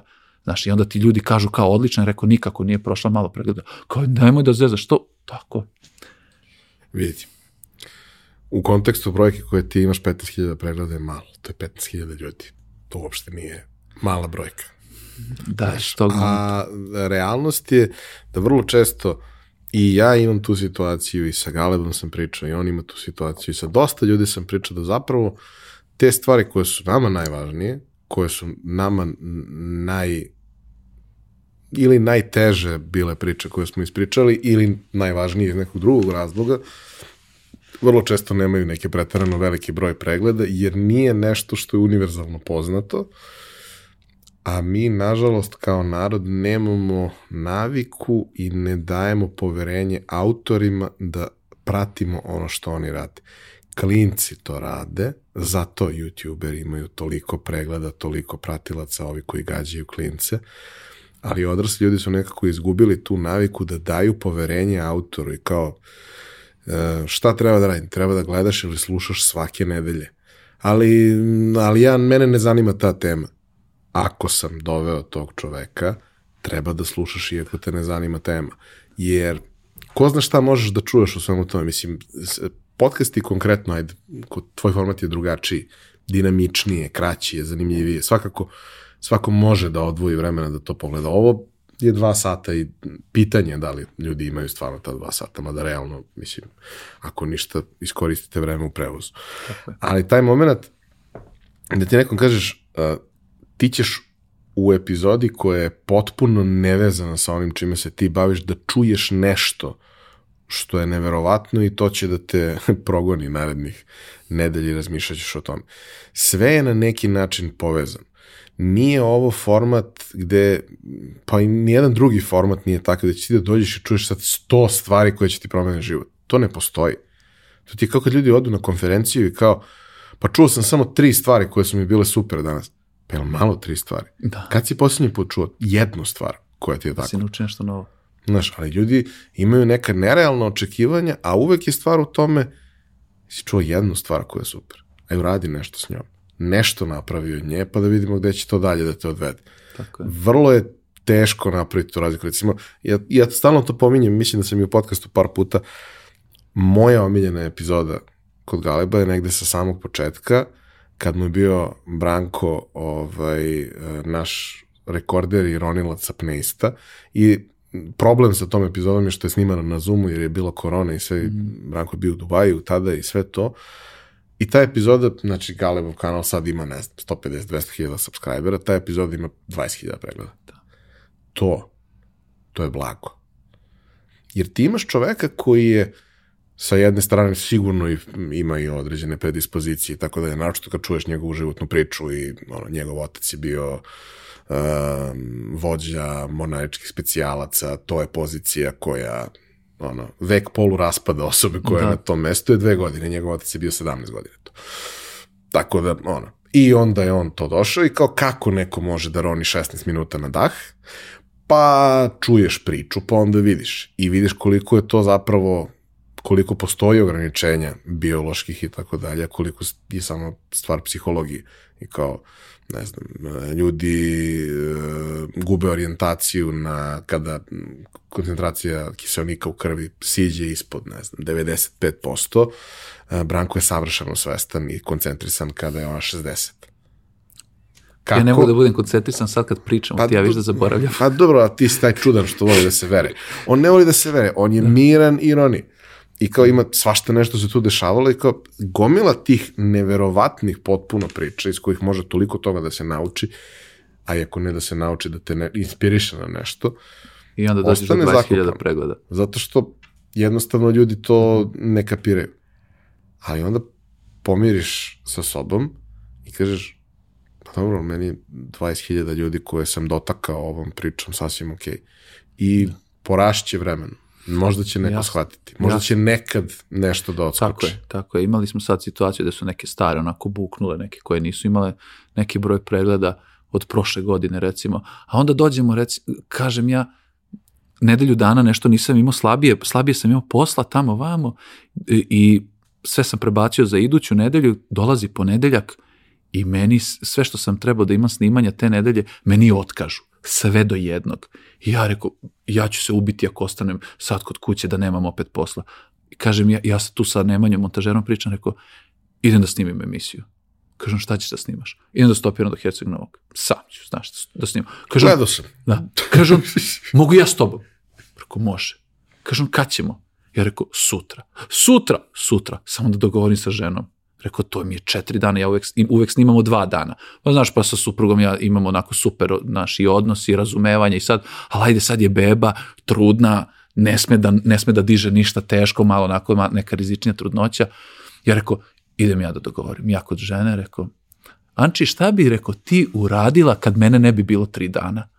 Nemoj, Radova, ne molim te, stani, rekao, smiri se. Šta bi uradila da me nema tri dana? Kaže ona, "Št- pa onda bi uzela, i čim je ona krenula da razmišlja, ja onako, jes, to je to, sad će ona da reši, znaš, i sad ona, smeje se, brate. Kaže, i sad ja nju tu pustio, ona razmišlja ovo, ono, E, dobro, rekao, idem ja sutra da snimim emisiju, rekao, ovaj, i vraćam se u četvrtak, bio utorak, rekao, vraćam se ja tu, rekao, u četvrtak, znaš. Ču četvrtak da mi stane, ja znam da nema šanse, nema, ako u petak dođem super, ali očekujem subotu. Dobro, kaže ona. I ja, Nemanju, idemo, spremaj stvari, šta da spremaš? Imam ja ranac za tebe, potrpamo samo podlošku, ponesi nešto samo sitnije, što lagani da budemo, opremu da stavimo i pičimo, rekao, da snimamo. Nemanja koji je montažer nije uopšte snimatelj, ne zna da snima, dečko, znaš. Ja mu tu rekao, nosiš jednu kameru, ovaj, ja GoPro i pičimo, snimat ćemo nešto. Poneli mi dron, pa ajde, negde ćemo leteti sa, sa dronom. Krenuli mi i treba pogledati, ko nije pogledao, nek pogleda epizodu. Dobra je, realno dobra je. Nije, Jest. Da, nije, dobra je zbog toga lj- ljude koje smo sreli, svaki Su čovjek. sjajne priče. Jest. A znaš šta je, koga god da sretneš, ima bre neku zanimljivu priču u svom životu da ti. Jeste, niko tako? nije normalan. Da, niko da im, im, ima neku, nešto u sebi, jel? što bi ti rekao dijagnozu. I gde god na drugu stranu da kreneš, srećeš neke nove ljude koji će ti ispričati neke nove, neke drugačije životne priče i emisija će biti sa istom temom, ali totalno drugačija. Gde god da kreneš da stopiraš.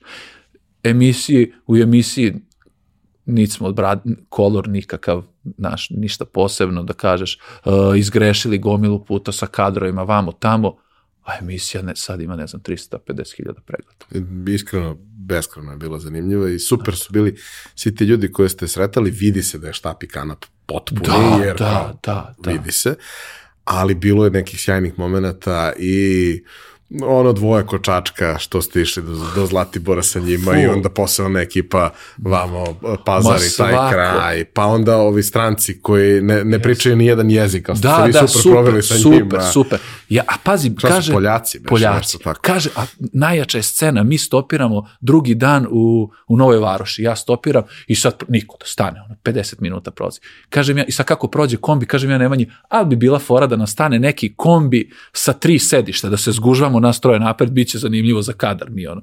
Stane kombi u tom momentu. Mi unutra, šta radiš ti? Lovim zmije. Ček, A, ček, da, da, kako, da. znaš. Sledeća scena, mi stopiramo, ja rekao, zamisli, rekao, stane nam kamper. Kad u plje, kod prepljevalja kamper staje. A još ja kažem njemu, rekao, vidi, uopšte nije, mi smo kao, ja sam stavio, idem do Herceg Novo. Zašto? Eto, idem da se okupam, znaš, idem, ne znam, Herceg, volim Herceg Novi. I ovaj, idemo do tamo. Ali sam bio sve vreme u fazonu, ako mi stane neko i da kaže, kuda ideš, idem u Makedoniju, ćeš sa mnom, idem u Makedoniju. Ako mi, ako mi to što mi on kaže, ako me to privuče, to njegovo, ima da idem s njim, znaš. I nama se dešava da nas kamperi, ti Poljaci pozovu da idemo s njima neki oko žabljaka, pa dole ćemo, znaš, na pivu, vamo, tamo, pa ćemo se vratiti na žabljak. Mislim, sam, sam način sporazumevanja koji ste koristili Da, bio brate. impresivan. E, da, ovaj, a se sporazumeš, malo mašeš rukama, znaš, ja sam se držao onog što glasniji to pametniji i on me ne razume, ja glasnije ponovim, znaš, očekujem da će me razumeti, pa čekaj. E, I onda su oni tu predložili drugu turu i ja sam malo vagao, ali rekao, ne, nije mi interesantno, ne mogu da pričam s njima, znaš, mučim se i opet ću se vratiti na žabljak, znaš, da me odvuko negde drugde, možda bi otišao s njima, ali rekao, ne, idemo onda sa Herceg Novi. I onda je tako bilo. Bilo je baš, baš smo svega videli. Znaš, kad sam došao do mora, stigli smo, odveli su nas uh, onaj uh, tip i riba, oni su nas do, do Lepetana i ovaj, ili Kamenara, sad sam izgubio Kamenari s ove strane gde je risan, jel? I uglavnom, i tu mi silazimo, ja vidim more, brate, ja, meni, i, i ja hoću da se zaplačem. Baš sam bio nekako srećan, uzbuđen i drugi dan smo stigli. I tu smo ono prespavali, ovaj, otišao kod drugara, tamo je bila jedna drugarica, videli se s njima, zaginuli uveče, sedali na plaži, ovaj, popili par piva, prespavali, ujutro se probudili, doručak, bućnuli se u more, izašli i na avion i kući i stigu u četvrtak ženi. Ja molim lepo, jesam ozbiljan bre muž.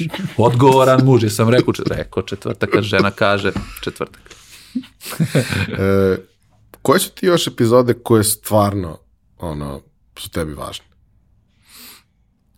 Pa nemam pojma, znaš kako ovaj, te iz- izgleda, te sa najmanje pregleda su mi nekako važne.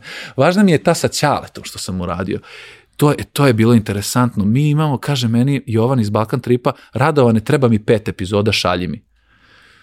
A u rekao, i ja sad tu imam par snimljenih, snimam, imam, snimim četvrtu, šta da snimim petu, novembar mesec, kraj novembra, nema snega na planini, u Vojvodini opalo lišće, šta da snimam u novembru, sve onako, depresivno. kiša, da, kiša pada.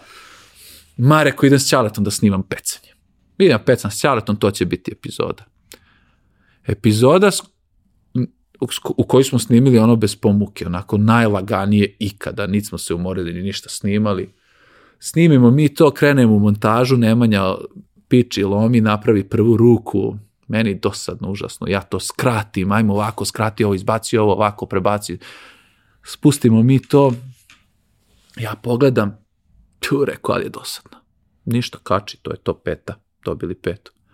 Mi okačimo epizodu kad su krenuli komentari, ljudi da se poistovećuju, ne znam, a jo, ja, moj, moj ćale, ono, preminuo, pa ovaj ovo, pa ja, jo, kakav, kakav ti ćale kralj, pa ćale zvezda iz pop, znaš, pa Veso, naravno, u blatu ceo, ubio nas, ono, stoji kamera u, u čamcu, na, na gimbalu, on bata prođe, zoom, zvizne na objektiv kamera, bum, lupi, znaš, ovaj ne sme da pogleda, gleda, nije se slomilo.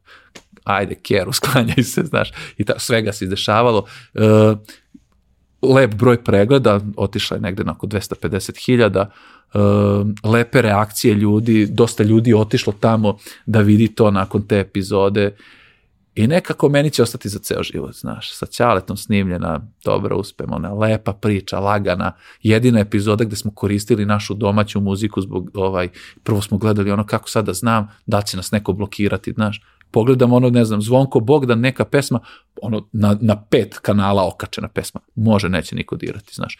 To mi je bilo bitno, neku, na, nema prihoda nikakvih od te epizode, ali mi je bitno da niko nije skinuo, znaš, epizodu zbog autorskih prava. I jedina epizoda za koju nismo imali dozvolu za muziku, nego smo ono random koristili sa YouTube-a. Ono što treba da se opiše, ta emocija i ta Jeste, zbog toga sam stavio, znaš, kad on peva Dunave, ne može ni jedna pesma s art liste ili Senvata da dočara Dunav, nego kad Zvonko Bogdan peva, ne znam, uh, osam tamburaša s Petroradina. Dobro. E, šta dalje? Šta dalje? Uh, imam želju, brate, da snimim safari. Imam želju da snimim safari, mislim da na ovim prostorima niko nije snimao safari, bar ne da ja znam.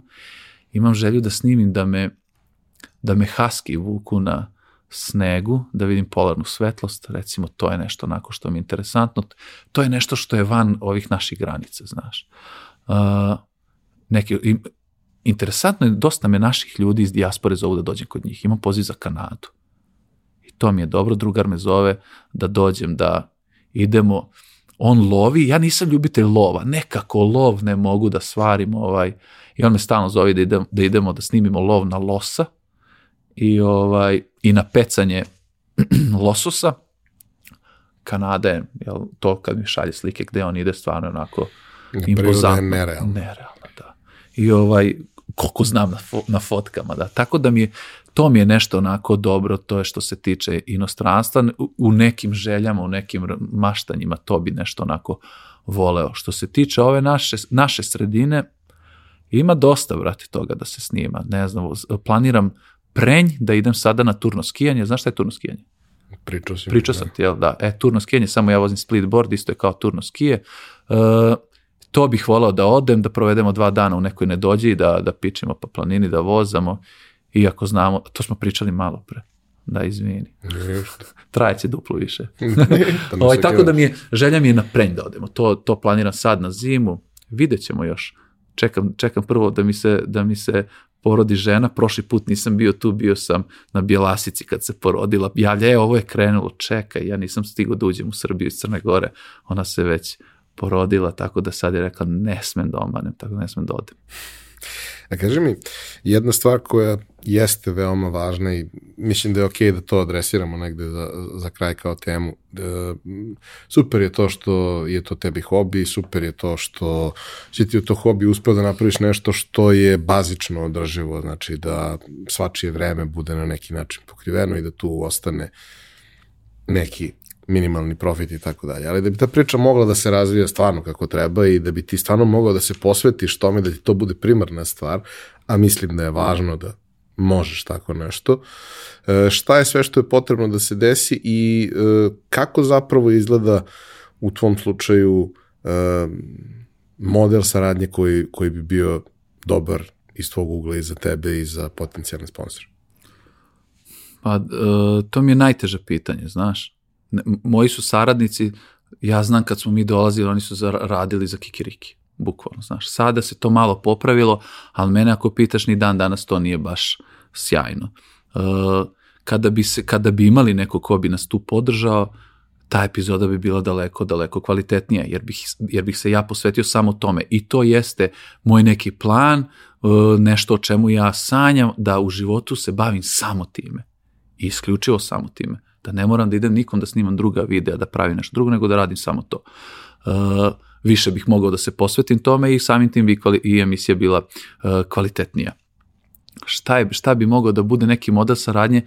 Ne znam, imamo saradnju stvarno sa Jazakom, lepa saradnja, E sad, verovatno, sponzori traže veći broj pregleda da bi ta saradnja bila unosnija unosnija. Ti me ispravi ako grešim. Ne znam kako, ne znam kako funkcioniše. Meni je ovaj prvi projekat koji ja radim preko neta i ovaj jedina saradnja koju imam, to je sa Jazak vodom.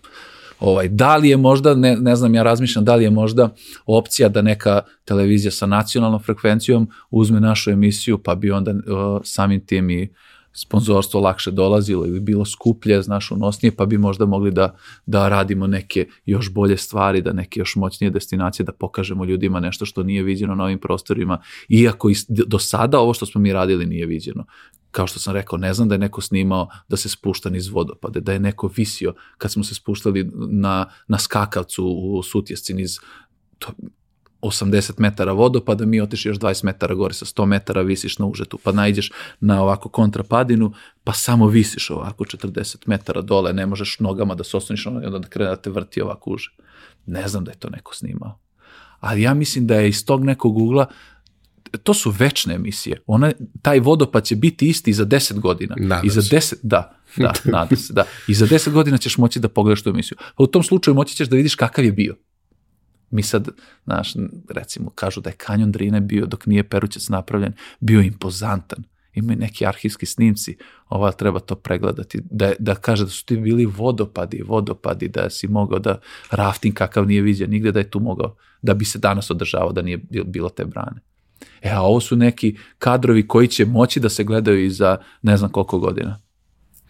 Znaš šta, ja mislim da je, da postoje dve stvari. Prvo, sa jedne strane postoji taj aspekt televizije, kablovske ili bilo kakve druge, to je jedna stvar. To je linearno praćenje programa, ti tu imaš termin koji gledaš da, ono, kao nekad što je bilo serija nedeljom u 8 uveče i nedeljom u 8 uveče, najskuplja reklama na svetu jer je serija I nedeljom u 8 smo pored uveče. TV-a. I svi smo pored TV-a. Sad više nema toliko potrebe za tim i suštinski postoji taj paralelni život. Mislim, pričao sam sa ekipom državnog posla, recimo, dosta o tome, kao, vaš razlog zašto ste pobedili je YouTube. Jer vi ste pre toga pravili noćnu smenu koja je meni bila beskrajno zanimljiva i posebno što je bila toliko različita i sve, ali sam ja morao da gledam da je ulovim na televiziji. Ne mogu ja da ulovim ništa, meni je raspored takav, mislim, mogu nekad, ali ne mogu da garantujem da ću svaki put stići tako nešto. Onda juriš kad je repriza, da li ima repriza, nema repriza, repriza se pomere ili ima nešto drugo. Nema toga ništa. Tako. Ali onog trenutka kad je to dostupno na YouTube, pa ja neću pogledati to danas za danas, sigurno Tako je. ali ću pogledati u petak za celu nedelju. I onda mi je to ne, neka super varijanta. I ja lično mislim, ali naravno ne mogu da promenim stvari jer sam pojedinac, ja lično mislim da u ovoj celoj situaciji u kojoj toliko brendova i toliko kompanija samo priča o ekologiji i o tome koliko je ekologija važna, da nije normalno da niko ne podržava ljude koji se zapravo bave promocijom prirode, zdravog načina života, očuvanja toga što imamo, za početak eh, pokazivanja toga što imamo ljudima, onda i očuvanja toga svega i da se sve to radi na jedan dobar, ispravan način, da za takve ljude nema sluha, a brojke uopšte nisu male. Znači, mogu one biti veće, nije sporno, ali tu uopšte nisu male brojke. A sa druge strane, ono, poliva se po influencerima, poliva se po youtuberima koji sede u svojoj sobi za računarom. Lopatom. Nemam ništa protiv, sve okej. Samo prosto, zašto ti takva osoba promoviše ekologiju? Zašto ti osoba koja svaki dan, ajde, mislim, možda je ružan primjer, ali mislim da najilustrativniji mogući.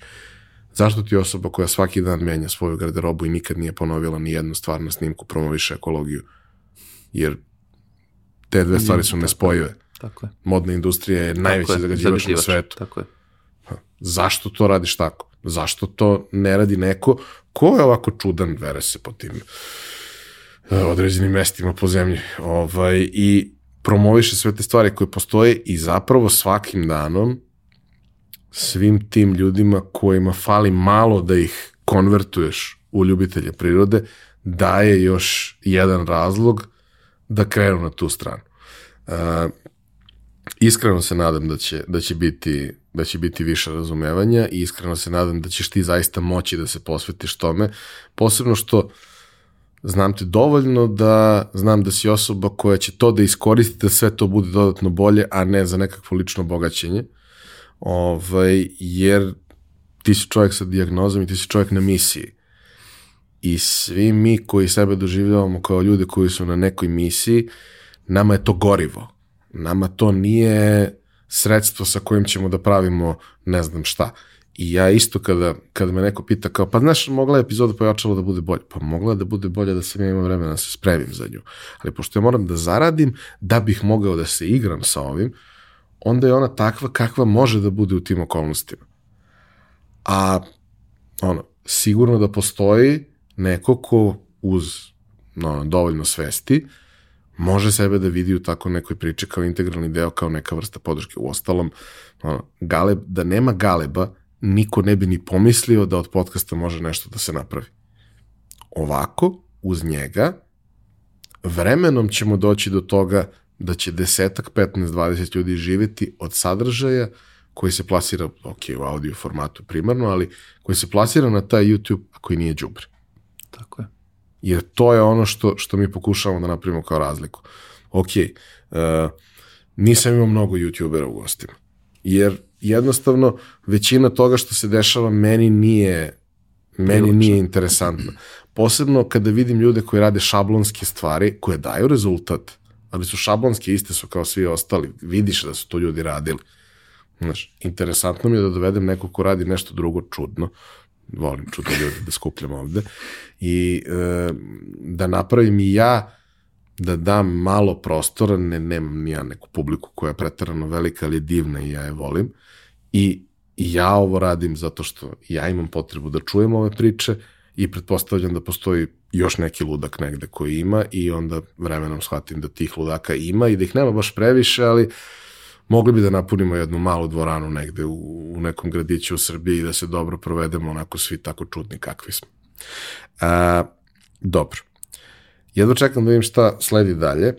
Pričali smo malo i pre nego što smo počeli da snimamo i ima tu nekih e, interesovanja koja su zajednička, ali koja će morati malo da sačekaju da se gospođa porodi i da dođe proleće i da onda ovaj, probaš. Hvala ti za sve što radiš.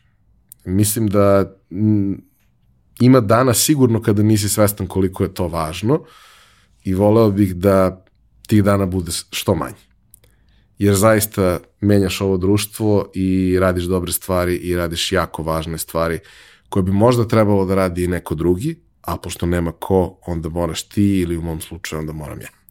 Hvala ti mnogo, brate, na ovim rečima. Baš znači mnogo, znači mnogo ta podrška i ovaj, ja sam među tim uh, ljudima koji gledaju sva ova tvoja sva ova tvoja, uh, sve ove tvoje podcaste i nemoj da staješ.